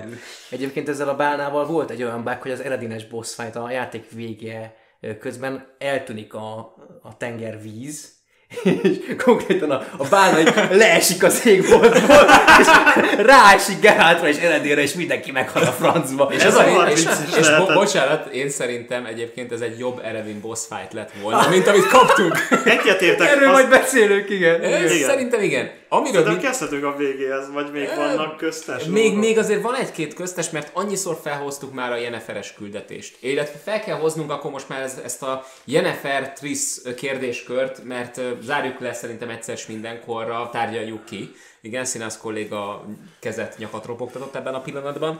Szóval, igen, Jennifer Triss visszatér, Gerátnak döntenie kell, vagy nem kell döntenie, de akkor kikötözik az ágyhoz és meg, meg, megalázzák elég durván. De ez csak az egyik ki, kimenetele a dolognak. A másik kimenetele a dolognak, hogy Trisszel és Jenniferrel is töltünk időt. Na már most a Jenniferrel töltött idő az narratív, meha- narratív szem, narratíva szempontjából nagyon jól sikerült. Ugyanis a, az, az van, hogy a Ginnek a kívánságától függ, hogy elméletben annak a varázsától függ, hogy Gerált és Jennifer együtt marad-e vagy sem, ugyanis a Ginnek a varázsa tartja őket el, elméletben egyben. Na most, ez egy könyves referencia, Színász, jól tudom? Ez konkrétan az első könyvnek a, az utolsó uh, sztori szála. Aminek pont az a cím, hogy utolsó aminek ugye, kívánság. ugyan ez a címe, hogy az utolsó kívánság, ugyanis uh, ott pont ez a sztori, picit uh, átrohanok akkor rajta, hogy uh, Dandelion és Geralt találnak egy lámpást, amiből kiszabadul a Jin. És ahelyett, hogy Dandelion kívánna tőle, Geralthoz kerül az a, az a medál, amivel kívánni lehet effektív a Jintől, és az első, amit mond a Ginnek, uh, mert egy, egy tündétől tanult egy Ginűző litániát, végig sorolja az, azokat a mondatokat, és a Gin eltűnik. Majd visszajön a sztori szálnak valahol a, a háromnegyedénél, és elkezd tombolni egy városban. És uh, ugye itt, uh, itt már sokadjára botlunk bele Jenniferbe, itt már nagyon sokszor uh, van arra utalás, hogy egyébként Gerált és Jennifer szeretik egymást, de itt még sose voltak úgy együtt, hogy, uh, hogy annak egy érdemi uh, részét láttad volna. Tehát effektív ők, hogyha úgy veszed, itt jönnek össze. És Geráltnak az az utolsó kívánsága a Jintől, hogy, hogy ő és Jennifer együtt legyen. És ugye ez a problémája a dolognak, hogy ez egy kívánság, tehát ők mágia alapján folyamatosan vonzódnak egymáshoz. A térben is, tehát ők folyamatosan egy helyre kerülnek emiatt. És Jennifer itt, ebben az utolsó kívánságos ö, küldetésbe igazából ezt töri meg. Ami a, a poénja egyébként, meg ami a csattanója a sztorinak, hogy az a, a Gin litánia, amit Geralt felsorolt a, a Ginnek, az valójában nem egy litánia, hanem egy káromkodás, és hát most profán puritán leszek, mert ez így van leírva a könyvben is, azt jelenti konkrétan, hogy bazd meg magad. és amikor ezt egy ginnek elmondod, a ginnek kötelező ezt végrehajtania. Tehát a kívánság az ennyire komolyan be van égetve, van. hogy ha te bármit mondasz a ginnek, annak meg kell történnie. És amikor Jennifernek elmeséli Geralt, hogy ezt mondta, akkor Jennifer nagyon megre- meglepődik és megijedett az egész, és akkor kezdi el komolyan venni. Egyébként a végén Geralt azért kívánja ezt, hogy megmentse Jennifert egyébként. Ezt kihagyta, ez egy nagyon fontos ö, ö, szempont, ugyanis ott és akkor a Jean már készül megölni Jennifert, és Geralt azért kívánja ezt, hogy mindig, mindörökké együtt maradjanak, hogy, ha, hogy, ne, hogy nehogy az történjen, hogy a Jean megöl, megölhesse Jennifert, mert hogyha megöli Jennifert, akkor, akkor konkrétan megsemmisül maga a Jean, mert hogyha megtör egy, egy átkot kívánság, vagy egy, egy kívánságot megtör a Jean, amit tőle kívántak úgy, hogy azt nem kívánta senki, akkor a Jill megsemmisül. Ez egy, ez egy ilyen átok tulajdonképpen. Tehát, hogyha értitek, hogy mire gondolok. És ezért kívánja Geralt ezt, ezért nagyon fontos ez a, ez a, ez a kapocs. A srácok ilyen ügyesen megoldani azt, és valójában egy script az egész, mert nem, nincs, nincs másról szó, mint hogyha hogy van, felteszi a kérdést ott a kósorok között a, a játék, hogy, hogy Geralt szereti-e Jennifert együtt akar-e vele lenni, és akkor oda teszel egy nullát, vagy egy egyest. Gyakorlatilag ezt döntöd el ebben a küldetésben, úgy beleszőve a sztoriba, hogy nem veszed észre. Tehát ezzel gyakorlatilag korrigálni tudod azt is, hogy Geralt ugye az amnéziája miatt nem ismeri még idézőjelben Jennifert, vagyis korábban nem ismerte, most már visszajött a, az emlékezetet, de az játékosnak nem jött vissza az emlékezete. Hát főleg egy first timer játékosnak, Így mint van, Peti igen. például. És nem tudod, viszont Jennifert úgymond meg tudod ismerni. Tehát, hogyha az eddig ö, ö, megélt utad alapján nem mondod azt, hogy te szereted Jennifert és együtt akarsz vele lenni, akkor most megteheted. És nagyon olyan, hogy igen, ahogy mondod, nagyon okosan, mert hogy tényleg úgy tudod meg ö, semmisíteni ezt a, ezt, a, ezt a kívánságot, ezt az átkot, hogy, hogy ez a könyvhöz hű tud maradni, attól függetlenül, hogy most ez, ez, ez megvan-e írva Geráltnak, vagy nincsen megírva Geráltnak, és nem megyünk Szapovszki szabályai ellen ezzel a történéssel. Igen. Nagyon durva. Nagyon szépen. Egyébként ez nekem ilyen szempontból tök érdekes volt, hogy nekem valójában Jennifer nem volt szimpatikus a játék teljes hosszában, mert ugye, és tök furcsa, hogy ahogyan hallgattam az előző videóitokat, hogy beszélgettek arról, hogy itt Trish egy jellemző ribancnak tűnt. Ehhez képest Nem, ez nem Devil May Cry. De ő, de ő Jennifer és Trish, tehát őt, őt ne zavart, hogy- jó? oké. Ő így mondja, ő úgy mondja, hogy omlósz, jó? Omlósz.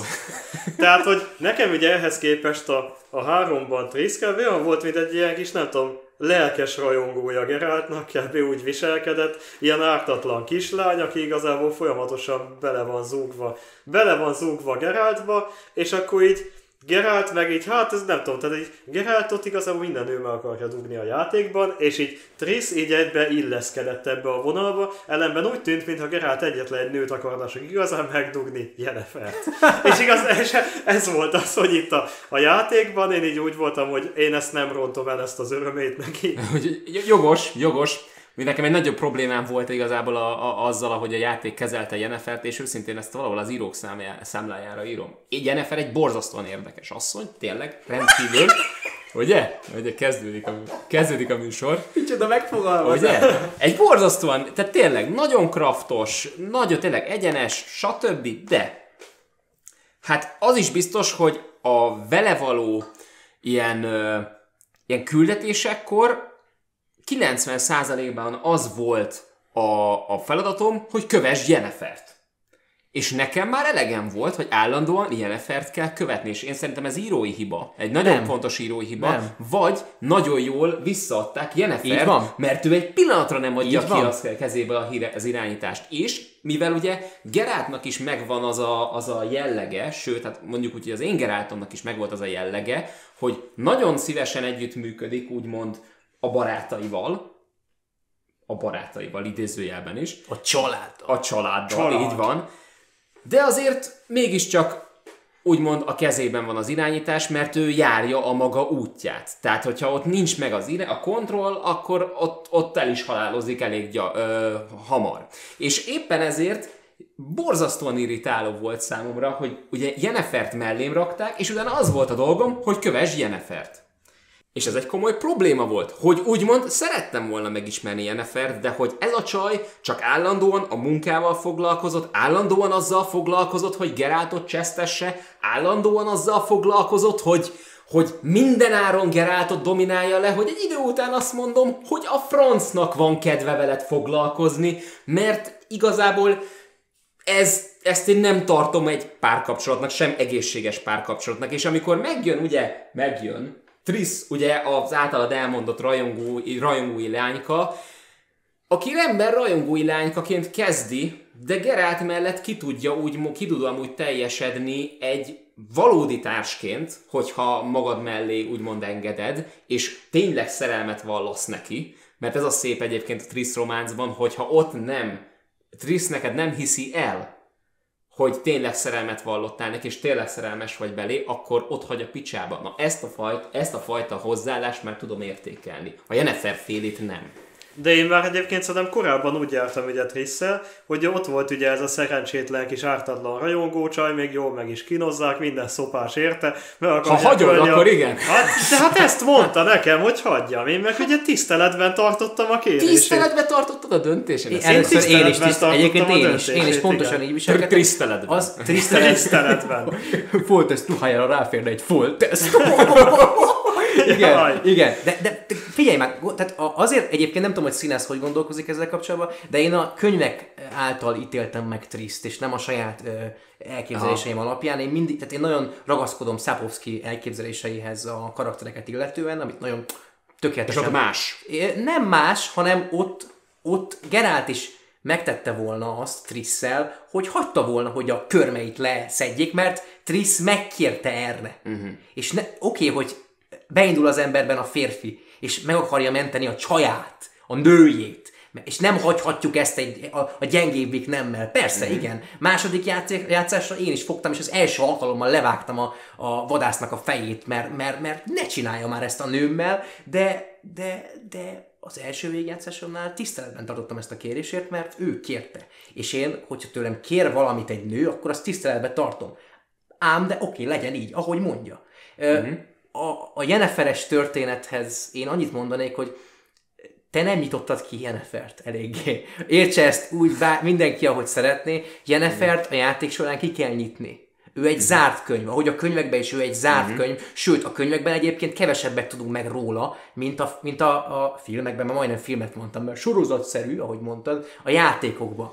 Ugy- Ugyan, te- ő, ő, egy, ő egy zárt nő, ő, őről nem tudjuk, hogy honnan jött, mit csinál, hogy, hogy mm. dolgozik. Ő egy ilyen zárkózott típus, azért, mert vele kicseszett az élet. Ő egy, ő, ő, ő tapasztalta, has, hasonlókat tapasztalt, mint Gerált. Ő, ő, ő egy megkínzott, meggyötört asszony. Ő nem fog, nem fog úgy lelkesedni Geráltért, mint ahogy Triss teszi, mert nem tud lelkesedni. Neki az érzelemvilága nem úgy működik, mint Trissé. Triss inkább egy ilyen gyermeki rajongást ad Geráltnak. Ő, ő inkább egy ilyen egy ilyen ö, naívabb, gyermekibb szerelmet tud nyújtani Geráltnak, míg Jennifer egy, egy ö, aktívan gondolkozó és, uh-huh. ö, és zárkózott ö, ö, szerelmet tud adni Geráltnak, ami, ami, ami kihívás Geráltnak, hogy őt ki ö, ö, nyitogassa szépen, lassan. De egyébként meg ugye az előző gondolatmenetem, ugye a Triss Jennifer kapcsolattal még ugye az volt, hogy én egyébként ugye pont, tehát ennek a végén ugye, ugye ott volt a naív rajongó Triss, akit úgy éreztem, hogy folyamatosan ugye aktív veszélybe és bántalmazásba sodor a kapcsolata Geráltal, hogy én itt pont ezért hagytam is egyébként elmenni a játékban. Tehát mm. ez megint egy, megint egy elég félre. Tehát nem a, nem a világít, világító toronyban hagytál elmenni, hanem... Ott is hagyta szerintem, mert- Szerintem, igen. igen. Értem. Ez a, ez a jó. Igen, és ugye ezzel ellentétben pedig úgy voltam, hogy ha bár Jennifer nekem egy ilyen önző figurának tűnt, viszont mégis egy annyira önálló személynek, akit nem érezném azt, hogyha Geráltól van, hogy ez a puszta jelenlét elbassza az életét. Igen. Mert az ő már úgyis el van. Tehát, tehát Igen. ők így tökéletesen összeillettek. Egyébként te, te, szerintem Triss is és Jennifer is tökéletesen meg van komponálva ahhoz, Oh. vagy arra a célja a játékban, hogy Gerálthoz oda éljen, Gerált mellé oda tudjon illeszkedni. A játék stílus, a játékos stílusától függően Hmm. fog ez eldőlni. Attól függ, hogy milyen a Geráltod. Így És van. ebből a szempontból egyébként lehetetlen dönteni. Lehetetlen dönteni, viszont narratíva szempontjából ez egy csillagos ötös Amúgy ismét. igen, ezt imádtam. Mert így, így, így ö, szerelmi kapcsolatot ábrázolni játékban, hát nem tudom, hogy láttam-e valaha. Igen. Péter, még egy ilyen hívsoviniszta megnyilvánulást szeretnél, vagy? Mindenképpen. Egyébként még egy zseniális jelet eszembe jutott, ami viszont a saját játékommal kapcsolatos volt, hogy a megkínzás után ugye megjelenik ugye Triss, ugye megkínozva, és én utána így mentem, és igazából ezen az erődben megöltem mindenkit. Így gondoltam, hogy szerintem ez egy megfelelő ellenszolgáltatás, és utána pedig ugye kimentünk ugye Trisszel, ő pedig rájuk is gyújtotta az erődöt a hullákra, tehát hogy így az Tehát nem te vagy a hibás, hanem Triss, őt fogják börtönbe zárni. És hogy milyen zseniális volt, hogy ott is ugye úgy volt beállítva, mint a Geralt, így ezt egy kicsit túlzásnak érezte volna, miközben én előtte már mindenkit Nem, legyilkoltam. egyébként jogos, tehát Trisznek ezen a ponton már volt prius szóval. De nagyon jó Igen. egyébként ez a kontraszt, mert ez a könyvekben is szerepel egy csomó helyen, hogy hogy oké, hogy Gerált ezt gondolja és megcselekszi, utána valaki egy, egy rosszabb döntést hoz, ami még durvább, és utána azt mondja rá, hogy miért csináltad. Pedig egyébként ő is megtette ugyanezt a, ezt a hasonlóan brutális cselekedetet. Tehát, hogy ilyen, Igen. ez, ez ilyen, gyere színász, gyere rám! Következő. A Jennifer Triss szálban nekem annyi nagyon nagy különbség van, hogy ö, én, mint játékos, ö, én közöttük nem tudok választani. Mert ö, megmondom őszintén, nekem egyik sem a, az ideálom. Tehát nekem, mint játékos, effektív Siri az, aki, aki ideális lenne, de tud, Witcher, trónok De hát a brit akcentus, értem, a brit akcentus. De tudván, hogy én itt nem saját magamat játszom, hanem Geráltot, innentől kezdve ugye én átálltam Geráltnak az agyára.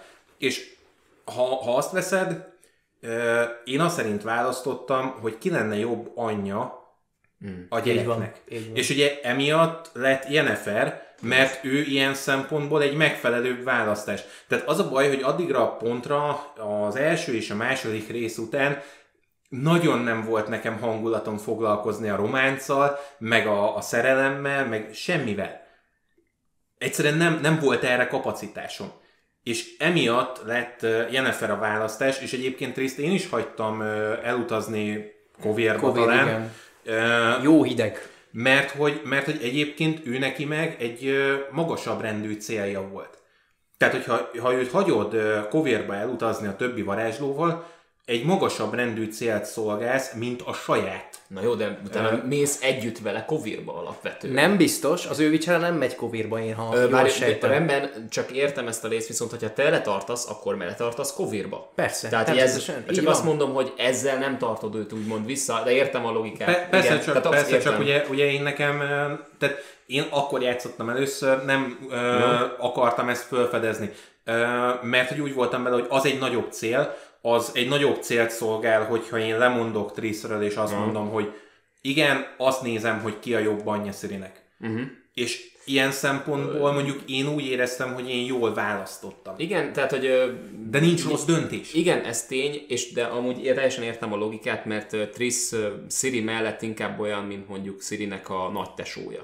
Abszolút. Ö, Viszont, hogyha Konkrétan, Jennifer- konkrétan egyébként így is hívja. Tényleg, Így így is hívja, Hugica. viszont Hugicának hívja, igen. És viszont Jennifer, hogyha mellé teszed, egyértelműen anya beütése van, tehát ezt, ezt amúgy adom. És akkor itt, itt egy pici kitérő csak megint a könyvekre, hogy uh, Siri és Jennifer kapcsolata, ugye a játékban pont amiatt, hogy választhatott Priszt, eléggé föl van vizezve. Eleve Siri is eléggé föl van vizezve, mert ő is, mint ahogy Filippa a kettőben, uh, Siri egy ennél sokkal kegyetlenebb, sokkal durvább karakter. Tehát mire átrángatják az 5-6 könyvön, addigra Siri megcsömörlik mindennel. Tehát az, hogy ő neki valakinek le kell vágni a fejét, az egy ilyen, az egy ilyen hétfő délelőtt reggel kiugrik a mosdóból, és valakit megöl. Tehát kb. ilyen szintre eljut, mert megcsömördik az élettől. De ugye itt, hogy, hogy a játékba illeszkedjen, valamennyire azért őt föl kellett Persze. vizezni, és emiatt föl kellett vizezni a Jenniferrel való kapcsolatát is, holott Jennifernél az egy nagyon nagy plusz, hogy Siri, amikor őt először hívja anyjának, akkor ott, ott eltörik a világ. Tehát ott, ott Jennifer, Jennifer konkrétan eltörik a Aha. világ benne. Így van. Igen. Így van. Egyébként milyen jó, hogy kipróbálták a Witcher 1 a szerelmi románc szálakat, illetve a gyermek uh, Shani Tris szálat, mert milyen jól tud működni, ugye ha visszanézünk a múltunkra, és, és utána abból táplálkozva tudunk egy olyat alkotni, ami működik is. A Witcher 3 esetében ugye ez a Siri Tris Jennifer vonal. Még ugye a Witcher 1 az Alvin Shani Triss vonal volt. Igen. Bezeg olyan opció nem volt, hogy királnak így a zseb dimenziójába huncutkodjunk egy hát, életen. sajnos tőled, pedig sajnos tőled nekem... elhalázta egy másik Witcher azt a lányt. De pedig nekem ez tűnt minden közül a legszimpatikusabb mm-hmm. lehetőségnek. Hát mondtam, nekem, mint játékosnak, hogyha én nem Geráltot játszom, akkor én rárepülök Szirire egy az egybe. Tehát ez kérdés nélkül. Jó, jó, beszéljünk Sziriről. Na, tehát, na végre. Ja, igen, mert hogy nem Akarod tudom, nem... mondani Cyrilla Fiona ellen Rina, Rihanna? De Della Coronilla Iazeno, igen. Uh, Juan Pablo Montoya, de szépen vette a kanya. Igen. Szóval, uh, szóval Siri, Sirire azért nem tudott rárepülni Sinas, mert Gerált ebben a ebben a részben apává válik. Nyugodtan mondjuk ki. És itt vissza e- ez, lehet kanyarodni az apás podcastetekre is. Hogy miért nem hoztuk fel? Hát ezért. Hát ezért. ezért. Na hát, srácok, ez az, ami maradéktalanul működik szerintem a narratívában, tehát ez, ez elejétől a végéig, tehát én, nekem sok bajom van a Witcher 3 végével, nagyon sok bajom van, de ami maradéktalanul működik és megmenti, az az, hogy Geralt és Ciri kapcsolatát hogy viszik végig elejétől a végéig. Ugye a ködök szigete vagy köd sziget után az megtaláljuk, ami gyönyörű, és hogyha azon túltettük magunkat, akkor utána a játék ö, elkezdi azt játszani, amit már korábban is játszott velünk, és már megemlítettük, hogy ugye elvett, amit Színász mondott, elvetjük a magot, abból valami kicsirázik. Na, innentől kezdve Szirivel való összes interakciónk hatalmas jelentőségű lesz később, attól függően, hogy ugye mit válaszolunk. De itt én sokkal kevésbé éreztem viszont erőltethetnek, mint a korai szakaszában a játéknak. Tehát szerintem, amikor ugye az eleje van, ugye a, a bárhóval való beszélgetés, ott olyan, hogy szinte egy válaszsal el tudod vágni magad bármelyik pontba. Ahogy Ellenben, mondtam is egyébként, igen, és meg is tudod tenni, tényleg. Igen. Ellenben, amikor ugye Sirivel van az ember, akkor általában inkább egy ilyen mérleg különböző súlyaiba pakolgatsz így apránként dolgokat, és ugye itt nincsen az, hogy egy-egy válasz azonnali döntő hatása van, hanem csak a, a végén súlyozva, hogy melyik betetted a legtöbbet. És itt ismét tapsolhatunk egyet Szapovszki bácsinak, ugyanis ez, ez az ő írása, és ez, ez neki köszönhető, hogy ez így tud működni, ez a Siri Gerált viszony. A CD Projekt ide vagy oda. Tehát, hogy ez... Ez, ez, ez besegített? Vagy mire gondolsz? Nem, nem, az, az hogy az ő, alap... ezt me, ő ezt megírta könyvként, Aha. ezt a Siri Gerált kapcsolatot. Tehát nyilván nélkül nem lett volna a, a Witcher se, de hogy, de hogy ez a kapcsolat azért tud működni a Witcher 3-ban is, mert Szaposzki bácsi letette az alapokat, úgy, ahogy letette az alapokat. Szerintem Színes is egyetértett benne. Uh, igen, igen, tehát itt, itt Gerát, és egyébként ezért nem hoztuk fel az apa figurákról szóló videóban, mert uh, itt Gerát konkrétan a az apa, ami, ami így nagy betűkkel kiírva. Az. Mert, mert egyszerűen minden, amit teszel, minden, amilyen módon viszonyulsz uh, Siri karakteréhez, az ő benne valamit mozdít, tehát effektív tényleg neveled a gyereket. Ami, ami azért nagyon durva, mert persze nagyon sok, sok helyen van olyan, amit tök mindegy, hogy hogy válaszolsz neki, ugyanaz lesz a végig kimenete. Mert nem tudod megúszni egy RPG-ben, tehát ezt nem tudod megcsinálni, hogy ő tényleg mindenedre úgy reagáljon, ahogy. Kivéve, ha Kotor 2 vagy. Hát kivéve, ha Kotor 2 vagy, de ugye az, ahhoz azért, tehát ahhoz azért kellett egy Chris Avedon. De itt ezt teljesen jól végighozzák, és a könyvek azok pontosan ugyanilyen útvonalon végigviszik az egészet, hogy hogy neveli a, lányát Gerált. És ezért mondtam azt, hogy ezen a ponton Szirinek Gerált az igazi apja. Nem pedig ugye Nilfgaardnak a, a, a császára, aki, aki ugye a vér szerinti apja, de innentől ez már megfordul. Mert Gerált egyszerűen többet tett az életéhez, mint a, a saját vér szerinti szülei. Ugye nyilván az anyja nagyon fiatalon meg is halt, de, de Emir meg annyira jelentéktelen módon járult hozzá a, a lányának a fejlődéséhez, hogy egyszerűen nincs értelme arról beszélni, hogy ő az apja. Színes, elmeséled egy, egy nagyon röviden azt, hogy Emir a könyvekben mit akart tenni Szirivel? Ja igen, hát ugye Emirről tudni kell, hogy Emir is azért itt föl van eléggé uh, vizezve magában a játékban, ugyanis eleve úgy kezdünk, Emirt, amikor először látod a könyvekben, akkor a trónszékén ül, és ezt Szakovszki így írta meg, hogy onnan tudták a, az alatvalók, hogy ez egy formális uh, helyzet, tehát hogy ez itt megköveteli a, a maximális protokollt, hogy Emir nem dobta át mind a két lábát a trónnak a karfáján. Tehát ő nem elfetrengett konkrétan a, a trónszékben, hanem csak így az egyik lábát földobta. Ez már azt jelentette, hogy Emir közelében maximális protokollon van mindenki. És Emir annyira nagyon bele volt bolondulva ebbe, hogy ő a császár, hogy egy ponton ő elhatározta, hogy a saját lányát elveszi. Mert így az övé komplett észak. Mert ugye uh, Sziré Szintrának a, a hercegnője, és innentől az örököse, és hogyha ő visszatér a saját hazájába, akkor Nilfgaard ezt a területet elveszti. De hogyha Emir feleségül veszi, akkor ugye az így is úgy is az övé marad, tök mindegy, hogy ki megy vissza. Itt azért ez már, ez már trónok harca szint. Nem beszélve arról, hogy ő gyermeket is szeretett volna a nemzelivel. Ez meg a másik, igen. Tehát vérfertőzést is elkövetett volna. Hú. De jó, hogy hagytam megdögleni. Jézus már! Tehát azért érezzük, hogy ez egy vizezett verzió a Witcher 3-ban, azért is, mert nem rajta volt a hangsúly. Aha. Tehát nem, tudta, nem tudták volna ezt elmesélni, nem lett volna időre, nem az lett volna a Witcher 3, hogyha Emirről van szó. Mert hogyha ezt meg tudta volna a játékos, ez az apró kis ö, rezzenések, kis mozzanatát a könyvnek, akkor már nem úgy gondolkozott volna, mint ahogy a játékban Én, én, tud, én tudtam ezt a, a megrezzenését, és én itt azért nem értek egyet uh, Petivel, hogy Emiért én nem hagytam meghalni. Mert az a probléma, hogy Emir viszont uralkodóként nagyon jó. Foltesznél is ezerszer jobb. Jobb, mint Foltesz. Tehát, hogyha ha nem temeriai szív dobogna a melkasomban, akkor Nilfgaardi lennék elég erőteljesen. Mert Emir az, az ennyire nagyon durva. És egyébként itt behoznám azt, hogy neki a szinkron hangja az rengeteget dobott ezen és nagyon sokat áthozott a könyves emérből. Tehát amilyen unott, lekezelő hangon tud néha beszélni az emberrel. Turned after all these years.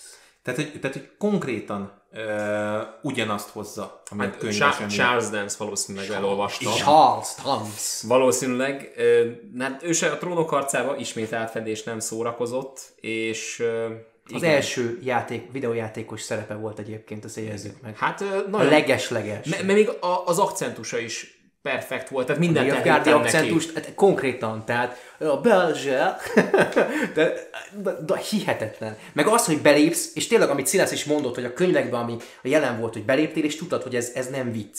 Én meghajoltam neki a játékba, attól függetlenül, hogy Gerált nem tette volna ezt meg, mert bemész, és, és összefosod magad. Tehát nem, nem, fogsz, nem fogsz nem meghajolni, mert, mert egy kicsit félrenézel a szeméből, és nem tartod el a szempontot, és megöled. Én, én, túl makas voltam, én nem hajoltam hát meg. Persze, én csak, én csak azt mondtam neki, hogy ő felségem. Én, én, ezzel, én ezzel úgy voltam, hogy én elgondolkodtam rajta, hogy meghajoljak-e, de aztán úgy voltam vele, hogy nem. És azért nem, mert Gerált biztos, hogy nem hajolna persze, meg persze. előtte. Igen. És mivel, hogy Gerált innentől, ezen a ponton már összeolvadt az én agyammal, muszáj voltam úgy reagálni, ahogy Gerált reagálna. Nyilván, hogyha ha előttem megjelenne egy ilyen ember, akkor biztos, hogy meghajolnék, de, de itt Gerált biztos, hogy nem teszi meg. Ráadásul ő nekik egy sokkal komolyabb kapcsolatuk van, Igen. amire azt mondom, hogy az ember nem fog hajlangani a, az ilyen, hát ilyen picit baráti rivális mellett. Tehát nincsenek azon a, azon a, a szinten egymáshoz képest, hogy ők így egymásnak hajlongjanak. Ez olyan, mint, mint Tony Starknak és Thanosnak a kapcsolata. Ők egy szinten vannak. Geralt nem fog előtte meghajolni. Így van, így van. És egyébként a, a, ami a nagyon durva, amit tényleg a, a koronát úgy, úgy fölemeli az egésznek a tetejére, a fejére, az az, hogy milyen durva a Nilfgaardi zene. Tehát az, hogy te bemész a trónterembe, ott van Emir, és megszólal ez a, ez a, ez a tipikus Nilfgaardi zene. Nem tudod máshogy leírni, csak azt tudod mondani, hogy tipikus Nilfgaardi zene. Hihetetlen. Hihetetlen. Minden, minden területre ezt külön hangszerelést használtak. Itt ugye meg, meg kéne említenünk, hát most nehéz lesz ezt, ezeket a neveket kimondani, mert lengyel nevekről beszélünk, de azért megpróbáljuk. Szóval Marcin Seblovics. Marcin Seblovics, igen, ezt jó, jó, jó igen, uh, Piotr Musial. Igen, Piotr Musial, igen. igen. igen. Nagyon jó. És, és Mikolaj Stroinski. Stroinski. 90 már, már tapsolnának neked, Köszönöm mert, szépen. mert jó volt, jó volt. Rendben, tehát ők írták meg a zenét. Uh, a, a Percival segítségével. A Percival segítségével. Tehát Jézus Mária alapvetően más lett a hangzása, főleg a Percival behozatalával. Akik a... végig imprózták az egészet. Konkrétan a 80-90 át leimprózták. Elmesélte nekik a Márcsin Söblovics, nem az Évinski, hogy miről szól egy-egy terület. Mm. Elkezdtek játszani, fölvették és működött. Hihetetlen. Hihetetlen. Tehát a, magyarul az összes ilyen, ami, ami egyébként eléggé összetett, ugyanakkor borzasztóan egyszerűen dúdolgatható dallam, amit hallunk a játékban, az mind el, így született. Tehát, hogyha én elkezdem dúdolgatni, Köszönjük szépen, elég volt. Igen. Vagy mi volt még? A, igen. Rengeteg, igen. rengeteg.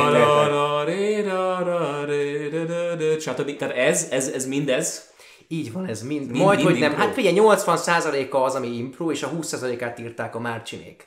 Nyilván összerakni a nagy munka ezt, tehát úgy, ahogy hallod, úgy összerakni ezt, úgy az a nagy munka, nem az, hogy valaki fölimprózik, mert én is tudok zongorázgatni, és jól, jól hang, hangoznak a hangok, amik egymás mellett vannak, de az attól még nem egy kéz dallam, nem egy kéz zene. És itt jön be az, hogy a Percival nevű zenekar, és nem banda, és, hanem zenekar, zenekar mert minden hangszeren játszanak, és minden a hangszerük egyedileg készített, saját maguk találták ki az összeset, annyira benne vannak a szláv kultúrába, annyira ráéreznek arra a Szapovszki által létrehozott lengyel dark fantasy világra, kelet-európai dark fantasy világra, hogy csak el kell mondani nekik, hogy éppen kiről van szó, miről van szó, és mi az indítatása, meg hogy hol vagyunk, mint vagyunk, és tudják. Lehet hallani egyébként a játékban, hogy, hogy mi az, amit a Percival, és mi az, amit a Márcsinék komponáltak. Az ilyen nagyon filmes, nagyon monumentális hangzásvilágú dalok, azokat mind a Márcsinék találták ki, és kiegészítették a Percivalék őket. Az ilyen nagyon kulturális, nagyon szláv dalokat pedig nyilván a Percivalék imprózták imprózták. Hihetetlen. Igazi zenész. É, ilyenkor tudom azt mondani, hogy igazi zenész valaki. Amikor játszik, és abból készül egy dallam, és nem dallamot akar írni, és mhm. abból készül egy zene. Nagy külön, hatalmas különbség. Nem csak egyébként ez az, amiben így, amiben új, új elemeket vittek be a játékba. Mert uh, újra dizájnolták a harcrendszert is egy kicsit. Uh, ez, tehát én ennek nagyon örültem, mert ugye nem rejtettem véka alá, hogy a Witcher 2 harcrendszerét egy, ennyien szóval nem szerettem. Van, aki szerint ez jó. Uh, például itt már volt kitérés. Végre volt kitérés. Végre Gerált mozgott. Tehát, hogy voltak nagy lépések, voltak ugrálások, voltak, és nem csak, nem, nem érződtek az animációk ilyen előre letárolt ö, ö, dolgoknak, hogy nem, nem olyan, nem, olyan nem, nem az az érzésed volt harc közben, hogy animációról animációra mész, hanem azt érezted, hogy szabad mozgástered van. És az egér is gomb, és volt egér, Jézus úristen, el, is felejtettem már, igen, volt. Igen, és volt deflect a játékban. Ha időben reagáltál, akkor le tudtad perizni az ellenfeleket, ezt hívják deflect. Igen, a másodikban nem volt ez benne? A másodikban nem úgy volt jelen, ahogy szerettük volna. A másodikban lehetett, ha kijelöltél valakit, és időben tudtál reagálni, de nem tudtál időben reagálni, mert nem vette be a játék, mert az nem gomb, pedig gomb egyébként, akkor tudtál, de a Witcher 3-ban ott ténylegesen működik az a, az a ritmus játék, ami, amit nagyon ügyesen implementáltak a Witcher 1 stílusára, pedig közel nincsen a kettőnek egymáshoz, de ott a Witcher 3-ban inkább érzed magad Witchernek, mint a Witcher 2-ben. Igen, pedig itt is a Dark Souls volt az alap, tehát itt is a Souls játékok voltak az alapok. El is ha-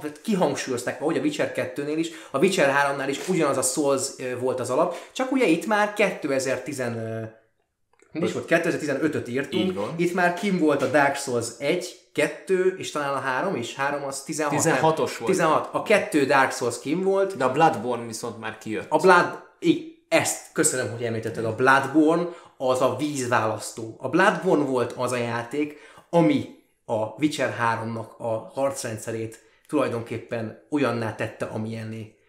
Hihetetlen, hogy ez a Souls, Souls genre, zsáner milyen hatást gyakorol az évtizedre a játékok Érződik, szempontjából. érződik Hihetetlen. mert, mert ott Hidetaka Miyazaki kifejezetten azt akarta elérni a Bloodborne-nal, hogy mindennek legyen egy sokkal agilisabb, sokkal responsívabb, sokkal azonnalibb érzete.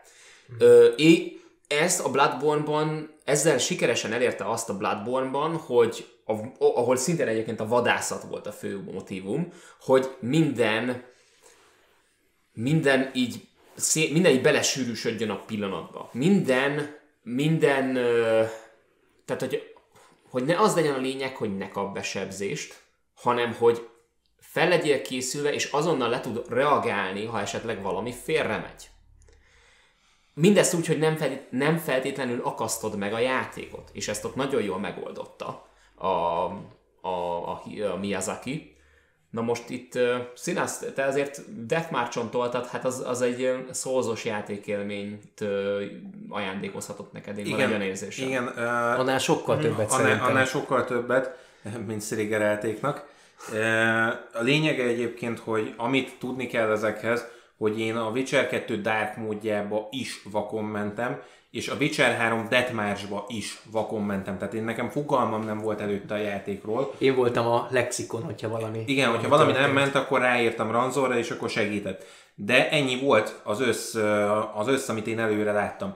És a játék szépen fokozatosan megtanított mindenre, amire nekem szükségem volt. Tehát én uh, White Orchardban már uh, már olyan ellenfeleket öltem meg, amit, amit szintemhez képest nem kellett volna, hogy tudjak megölni. De mivel addigra már megtanította a játék, hogy hogy kell fölkészülni a harcra. Így van. És ugye ez a lényeg, hogy itt a harc közben onnantól, hogy látod az ellenfelet, van időt fölkészülni. És hogyha egy küldetéshez tartozik a, az ellenfél, akkor a játék fokozatosan a nyomozások által ö, megmutatja, hogy milyen ellenfélre készülj föl. És ez nagyon sokat dob, mert onnantól kezdve tudod, hogy mit kell csinálnod a játékhoz. Most ebben a pillanatban nyitottad meg egyébként a játék egyik új dimenzióját előttem, mert én nagyon fenn voltam akadva, hogy az nyomozások azok inkább mennyiségszámra lettek kivitelezve, uh-huh. mint sem minőségszámra, mint az első Witcherben. Igen. Mert igen. ott ugye ott meg a sztori aktív részevői, tehát szerepét játszották. Uh-huh. Tehát el is ronthattad a nyomozást, és így nekem problémás volt, hogy jó, lenyomsz egy gombot, és akkor elkezd Geralt Persze, de muszáj- mondani. muszáj volt. Viszont igen, mert így viszont hozzájárultak uh, ahhoz, hogy a mellékküldetések esetében több információt szerezhess. Ha, ha Deathmatch-on játszol, ha nem tudsz fölkészülni arra, hogy mi vár a, a következő sarok mögött, akkor meghaltál. Aha. És egyébként a Deathmatch-on ö, három dolog volt, ami engem így megtanított a játékmechanikára. A pajzsos ellenfelek, a pajzsos emberi ellenfelek megtanítottak arra, hogy védekezni kell. Nem az van, hogy védekezni azt úgy lehet, és egyébként ki kell kerülni az ellenfeleket, védekezni kell. Vannak olyan ellenfelek, akiket védekezés nélkül, tehát hárítás nélkül nem tudsz effektív megölni. Nincs egy, nincsen a kezedben egy olyan fegyver, amivel meg tudod őket ölni, anélkül, hogy órákat küzdenél rajta. A másik ilyen az a jel használat volt, és itt uh, ugye megint csak a nekkerek tanítottak meg a jelhasználatra, mert ők uh, voltak azok az ellenfelek, akiknél rájöttem arra, hogy igen, ha én ezeket ölni akarom, már pedig akartam addigra a Witcher 2 után, akkor muszáj leszek a jeleket uh, átlátni, hogy mi az, ami nekem hasznos, ami az én játékstílusomhoz hasznos, nem az, ami a játék megoldó kulcsa. Tehát itt a Witcher 2 és Witcher 3 között ez a nagy különbség, hogy ott te vagy a megoldó kulcs, amit különféle elemekből rakosgathatsz össze. A Witcher 2-ben volt egy megoldó kulcs, amire neked rá kellett állítanod az agyadat. Itt ez volt a nagyon nagy különbség. És a földelementálok, illetve a, a gárgolyok, hasonlók, ezek meg megtanítottak a kitérésre. Mert ott fiam, ha nem tudsz kitérni, meghaltál. Tehát egy-egy földelementál olyat ver rád, hogy megőrülsz, és egyébként meg folyamatosan védekeznek. Tehát, hogyha nem tudsz abba belenyúlni, amikor ő támad, nem tudod megölni. Három és fél órákat küzdöttem eleinte egy, egy földelementállal. Úgy értsd, hogy volt konkrétan egy, egy harcom, ami 20 perc volt, mire végigmentem rajta. Egy egyszerű kis harc. Egy egyszerű földön. Vietnám flashbackeket hallottunk színász, színász kollégától. Egyébként, amit most elmondtál, és én a Witcher 2 komment szekcióban jeleztem is, ez különbözteti meg játékmechanikailag a jó játékot a rossz játéktól. Az, hogy te jutalmazva vagy azért, mert kitartó vagy, mert hiába állított be szopató módra a játékot, te kapsz tőle jutalmat érte. És nem az történik, hogy elkezded szopatni magadat, és nem történik semmi, csak szopatod magadat. Mert akkor nem fogod tovább játszani a játékot, kivéve, hogyha mazoista vagy. Azért értjük a különbséget. Igen. Igen. És milyen jó, hogy egyébként így a... Ismét az egyszerű és mégis össze, valamennyire, félig meddig, valamennyire összetett sémát követi a fejlődésrendszer.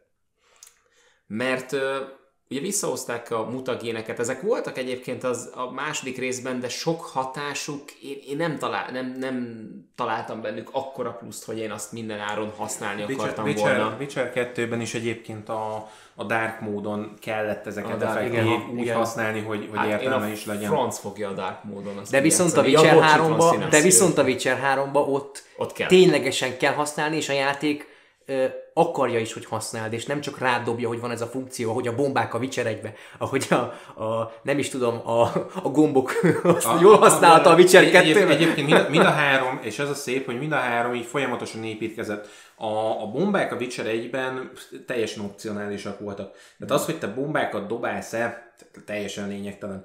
A kettőben az, hogy mutagéneket használsz, ha nem dárkontolod, nem kell mutagéneket használnod, és itt nem azt jelenti, hogy nem leszel tőle effektívebb, de az leszel, de a játék nem kényszerít rá, hogy használd, mert, mert végig lehet anélkül is vinni. Én a Witcher 3, vagy a Witcher 2-t Dark módon úgy vittem ki, hogy a feléig nem használtam a mutagéneket. Nem, nem, nem volt uh, kapacitásom arra, hogy én ezzel foglalkozok. A Witcher 3-ba, ahogy haladsz a nehézségi szinteken, egyre inkább rávezet arra a játék, hogy mi az, amit pluszba használnod kell.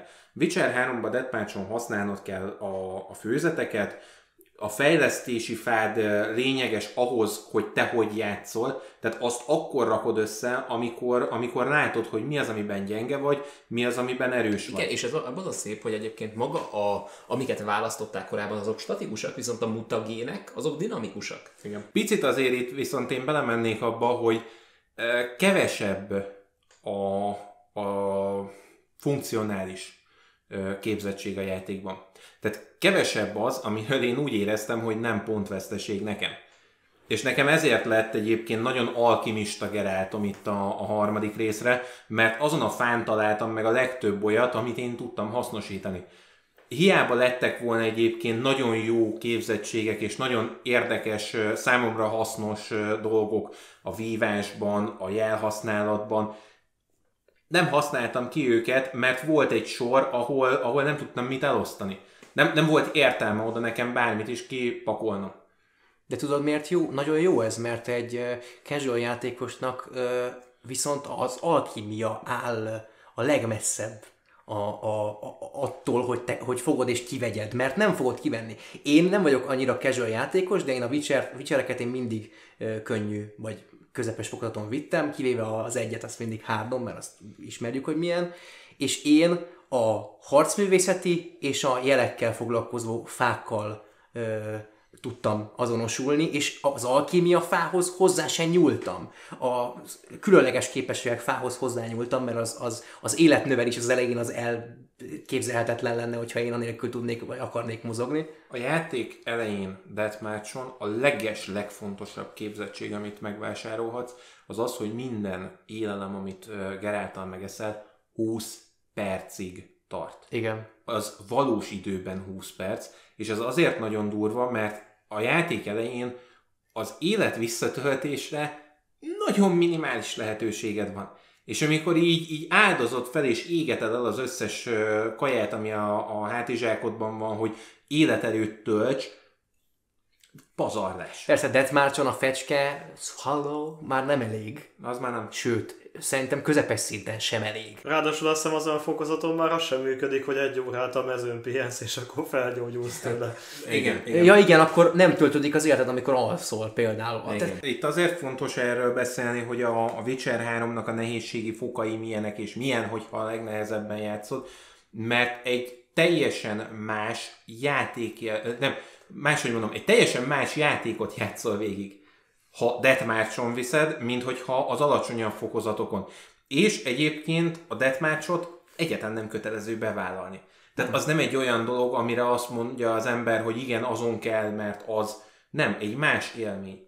Egy, egy, egy immerzívebb élmény, hogyha úgy játszod, de az, azzal meg számolni kell, hogy ott a játék tényleg megszivat, ahol tud.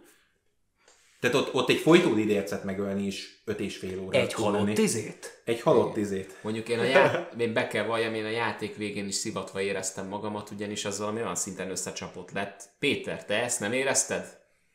Én, én mint a trilóg, de én végigjátszottam a trilógiát, most már kimondhatom, és nekem a Witcher 3 vége mindig is összecsapottnak tűnik. Szigorúan az alapjáték végéről beszélünk most. Te hogy élted meg, mert te csak azzal játszottál? Ö, érdekes, hogy nekem ugye a, a a Witcher 3-nak a vége az nem tűnt annyira összecsapottnak, viszont volt egy korábbi fejezet, ugye amikor van a nagyon nagy ostrom ugye az ő várukban, Igen. az viszont iszonyúan, tehát ott szó szerint az volt, hogy ott így írtam a Ranzornak ilyen káromkodó leveleket közben, közben játszottam. Még, egy, még a következő adásban lesz még egy ugyanilyen, amikor gyakran írtam neki. És akkor volt ugye az, hogy az ostrom alatt, amikor ugye Szirit kell megvédeni, ott az volt szó szerint, hogy nem hagyott a játék játszani. Gyakorlatilag. Igen. Tehát, hogy mindig az volt, hogy így, mit tudom én, hogy ú, ott jönnek a mindenféle szörnyek, ölni akarom őket, és akkor egy a játék az, hogy nem, most fussál át átból B-be, mert hogy ott a Jennifernek szüksége van rád, és ha nem futsz oda 10 másodpercen belül, akkor mit tudom én, mission failed kiírás, és szó szerint ilyeneket dobált a komplett ostrom alatt. Tehát egyszerűen nem kaptam lehetőséget arra, hogy ténylegesen játszak, hanem egyszerűen körülöttem ment az öldöklés, én meg odafutottam valóban 5 másodpercet, jött egy két perces videójelet, futottam megint egy kicsit, megint jött egy 5 perces videójelet, és igazából így véget ért, és ehhez képest nekem a játék lezárása annyira nem tűnt szörnyűnek, arra emlékszem.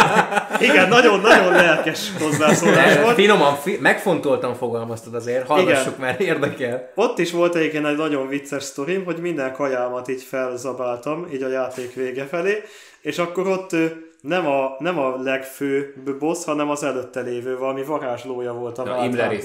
Igen, és Vagy őt nem, vi- nem, Karantír, Karantír, bocsánat, igen, bocsánat, igen. igen. Imleritet ölöd meg először. Igen, így van, bocsánat. És az a vicces, hogy Geralt őt így bebaszva ölte meg, mert hogy innentől csak piák maradtak a hátisákomban, és nagyjából ilyen mindig egyet csapott, és én így körülbelül egy ilyen 5-10 másodpercenként egy újabb viszkit így leküldtem Geralt torkán, és már ilyen totálisan homályos képernyő volt, amiben így nagyjából lehetett látni, hogy arra van valami, és én így öltem őt meg.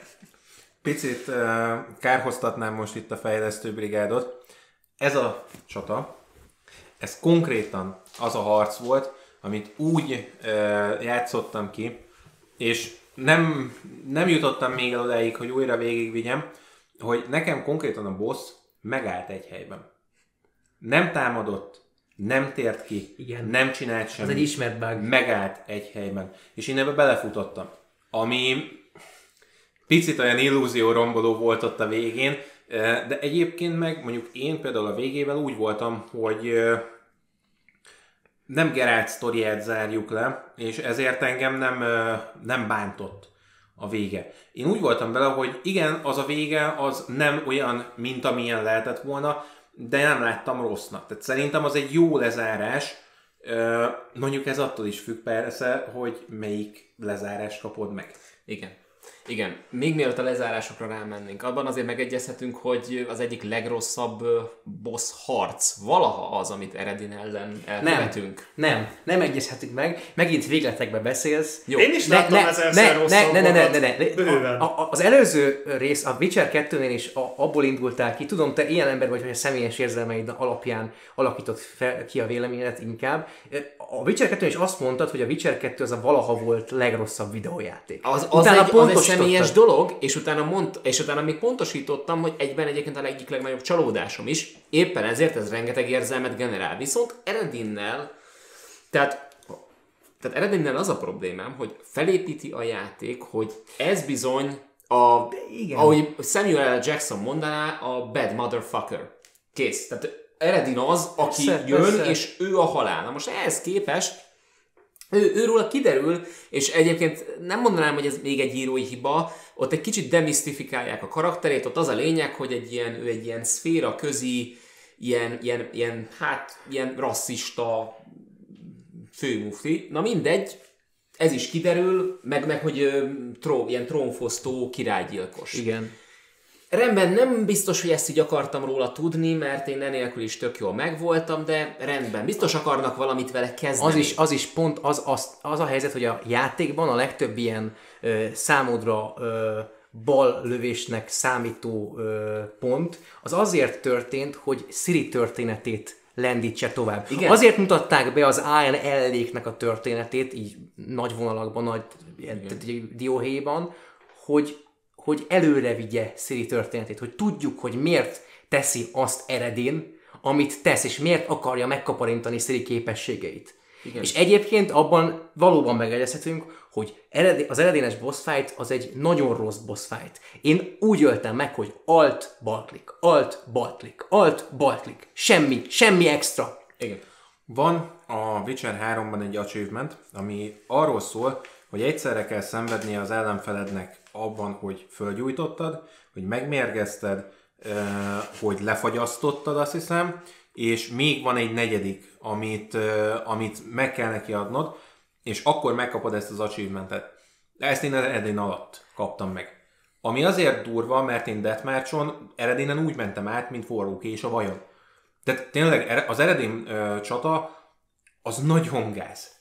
Tehát az tényleg nagyon gáz. Ebben megegyezhetünk. Ez a, a nagyon gáz az még oké, de a világtörténelem legrosszabb. A, Jó, re, akkor Nagyon az egyik gáz. legrosszabb. Jó, rendben. ez így oké, igen. Az a dolog, hogy egyébként én erről szó szerint nem igazán tudok nyilatkozni, mert bevallom, hogy nem emlékszem rá. Tehát annyira, annyira volt emlékezetes az eredeti elleni összecsapás, hogy nem emlékszem rá. Valami arra emlékszem, hogy kardozott és kerülgettük egy kicsit. De az előzőhöz képest, amit mondtam, hogy az előző boss fightnál én megittam mindent, szó szerint Igen, mindent, igen. ami nálam volt, és ilyen állapotban nagyjából ilyen első-második próbálkozásra lenyomtam eredint.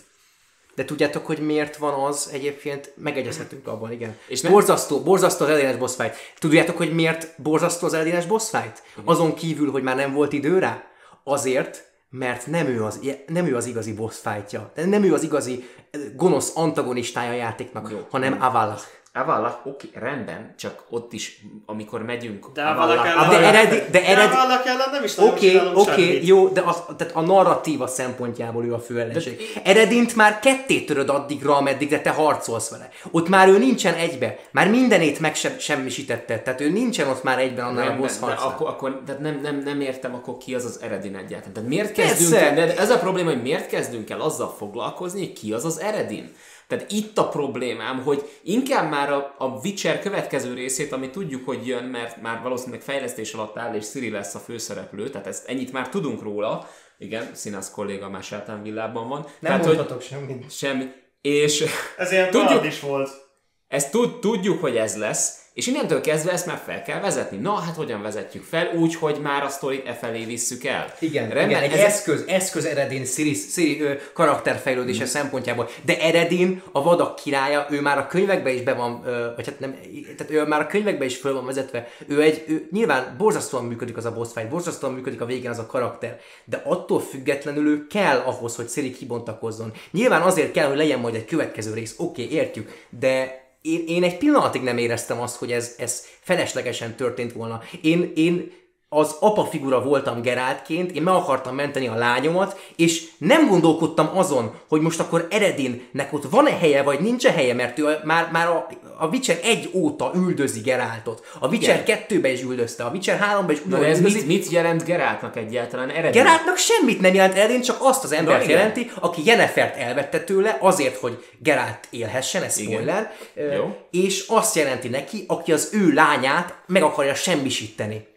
És az Akkor- erejét akarja használni, Jó. és nem a lányát. Ezt jelenti De akkor miért, miért tehát én, én nagyon örültem volna neki, mert ezzel meg tudott volna vezetni a játék, hogy én inkább Eredint kezdem el üldözni, ahelyett, hogy mondjuk Sirinek segítsek. Hogyha lett volna itt egy választási Persze. lehetőség, ez nagyon szépen fel tudta volna vezetni az apai felelősségvállalásról egy ilyen, egy ilyen végső üzenetet, amit át akar adni neked a játék interakción keresztül. Tehát ezt végig lehetett volna vinni, na most ehhez képest Eredin egy nagy semmi, mind mechanikailag, mind történetileg. Aztán ugye megyünk tovább, ott van Avallach, aki én, én nem tudtam hova tenni, és joggal nem tudtam hova tenni, mert az a szint, ahol már Avallach úgymond, ahol, ahol tevékenykedik, azt már Gerált azt nem képes észszel felfogni, mert az már, az már szférák között mozog, az már túl van mindenen, ezt egyedül Siri képes felfogni, és, és érted, innentől kezdve Avallach sem boss,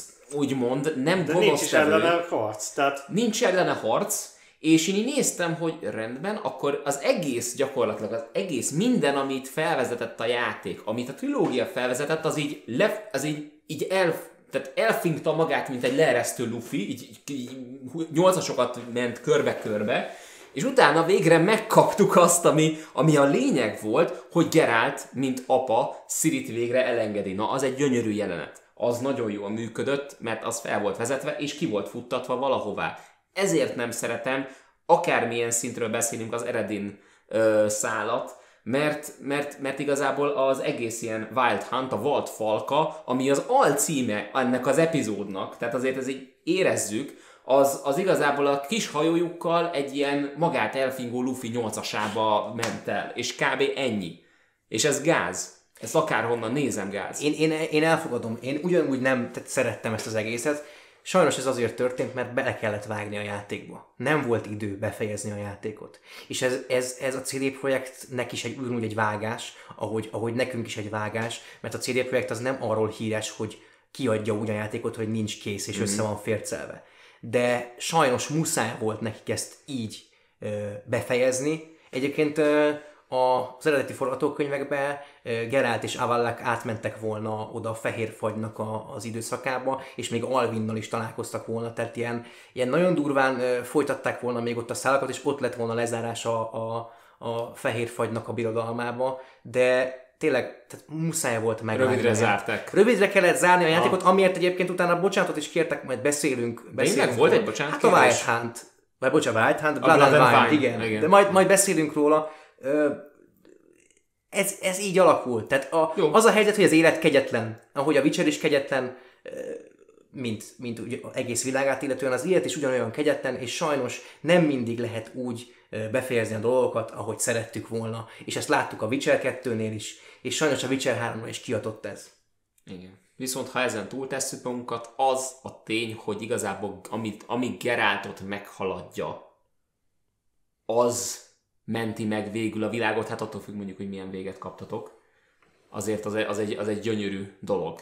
Én úgy Figyelj, érzem. igazából szerintem mind a három véggel elégedett lehet a, a, Igen. a alapjáratom Gerált, vagy a Geráltot játszó játékos, ugyanis az egyik végkifejlet ugye az, hogy, hogy Siri megmenti a világot a fehérfagytól, de eltűnik, A másik végkifejlet az az, hogy Siri megmenti a világot a fehér fagytól és visszatér. A harmadik kifejlet pedig az, hogy Siri megmenti a világot a, a fehér fagytól és uh, bocsánat, a másodiknál visszatér és Witcher lesz, a harmadiknál pedig ugye uh, uralkodó lesz. Ő emir, emirtől átveszi az uralkodót. Tehát, hogy, hogy szerintem mind a három, mind a három egy olyan, én, én mind a hármat láttam, és végig is vittem a játékot mind a három felé, és egyszer sem mondtam azt, hogy nem vagyok elégedett a végével. Mert hát hogy ilyen szempontból itt nem volt bad ending. Mind nem volt bad ending. Hát nyilván nem bad ending, szomorú ending. Lehet az, hogy Siri, Siri ott marad és megmenti a világot, vagy nem tudjuk, hogy igazából megmentette. Hát megmaradt. De, de, igen. de igen, de hogy, de hogy szerintem a Geralt szempontjából és a Witcher sorozat szempontjából mind a három lezárás, ezek a nagyobb lezárások, ezek mind működnek, és nem fogod azt mondani, hogy ez borzasztó. Az igazság, hogy a lényegében már elmond, már elmondtad közben azt, amire én is gondoltam, hogy ugye nekem is egy kicsit az volt csalódás, hogy ugye azt hittem, hogy ugye a, az Eredin elleni boss fight akkor az igazából csak egy ilyen kis kamu volt, ugye itt tűnt a játék vége felé, hogy nem is ő az igazi mastermind minden mögött, hanem a valaki, és akkor utána megkapjuk őt, és akkor ott is kiderül, hogy igazából az is csak egy kamu volt, mert vele meg nem küzdünk meg, mert majd valamikor máskor. És megjegyzem, bocsánat, tehát hogy csak így vágnám, hogy az Avallak és az, az Eredin között Jenefert kell követnünk. Mert persze, hogy Jenefert kell követnünk. Igen.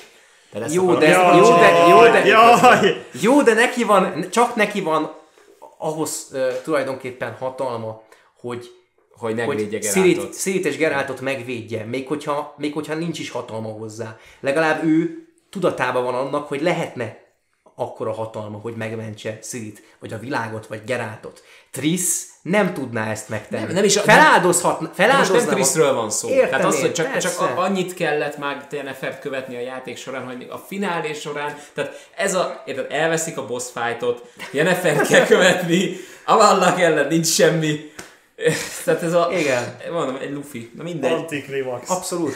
Én értem, értem, hogy miért Luffy, ki is durran a Luffy sajnos, és nem, nem nő, és nem úgy Luffy, hogy van is tartalma, és akkor kiesik a tartalma a Luffyból, hanem nulla esik ki belőle.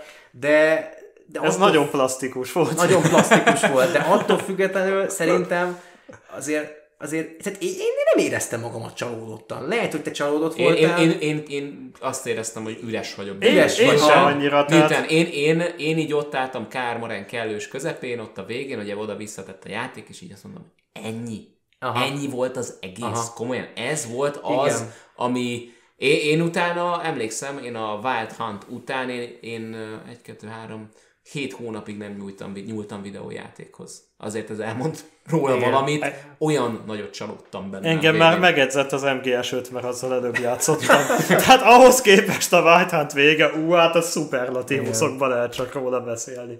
Alapjáraton a játék a Witcher 3-nak a kijátszása közben kettő pont volt, ahol férfiasan be kell vallani, ahol elsírtam magam. Hm. Az egyik az az, amikor Geralt megtalálja Szirit. Szintén? Az, tehát az kegyetlen, az kifacsart.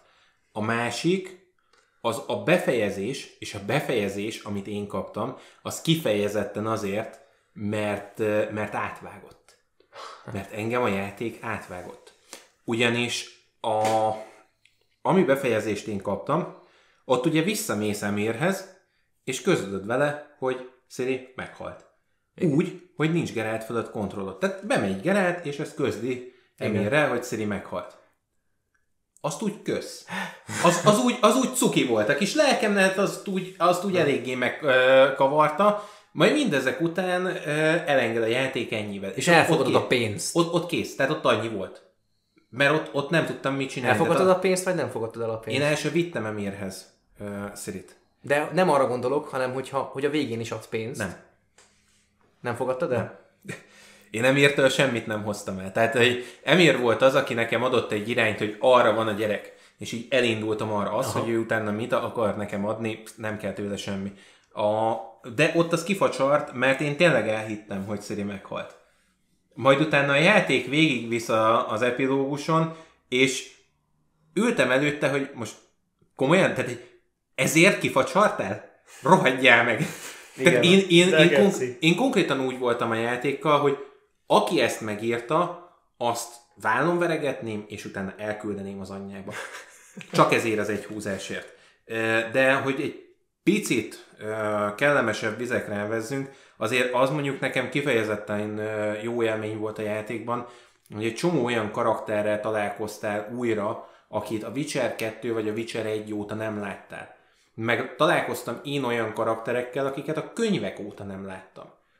Tehát az egész Novigrád szál az tele volt olyan karakterekkel, akik, akik nekem kedvesek voltak az előző játékokban, meg a könyvekben, és végre találkoztam velük, és tök hülyen vannak átadva. De igen, a vége az sajnos az, az kicsúszott.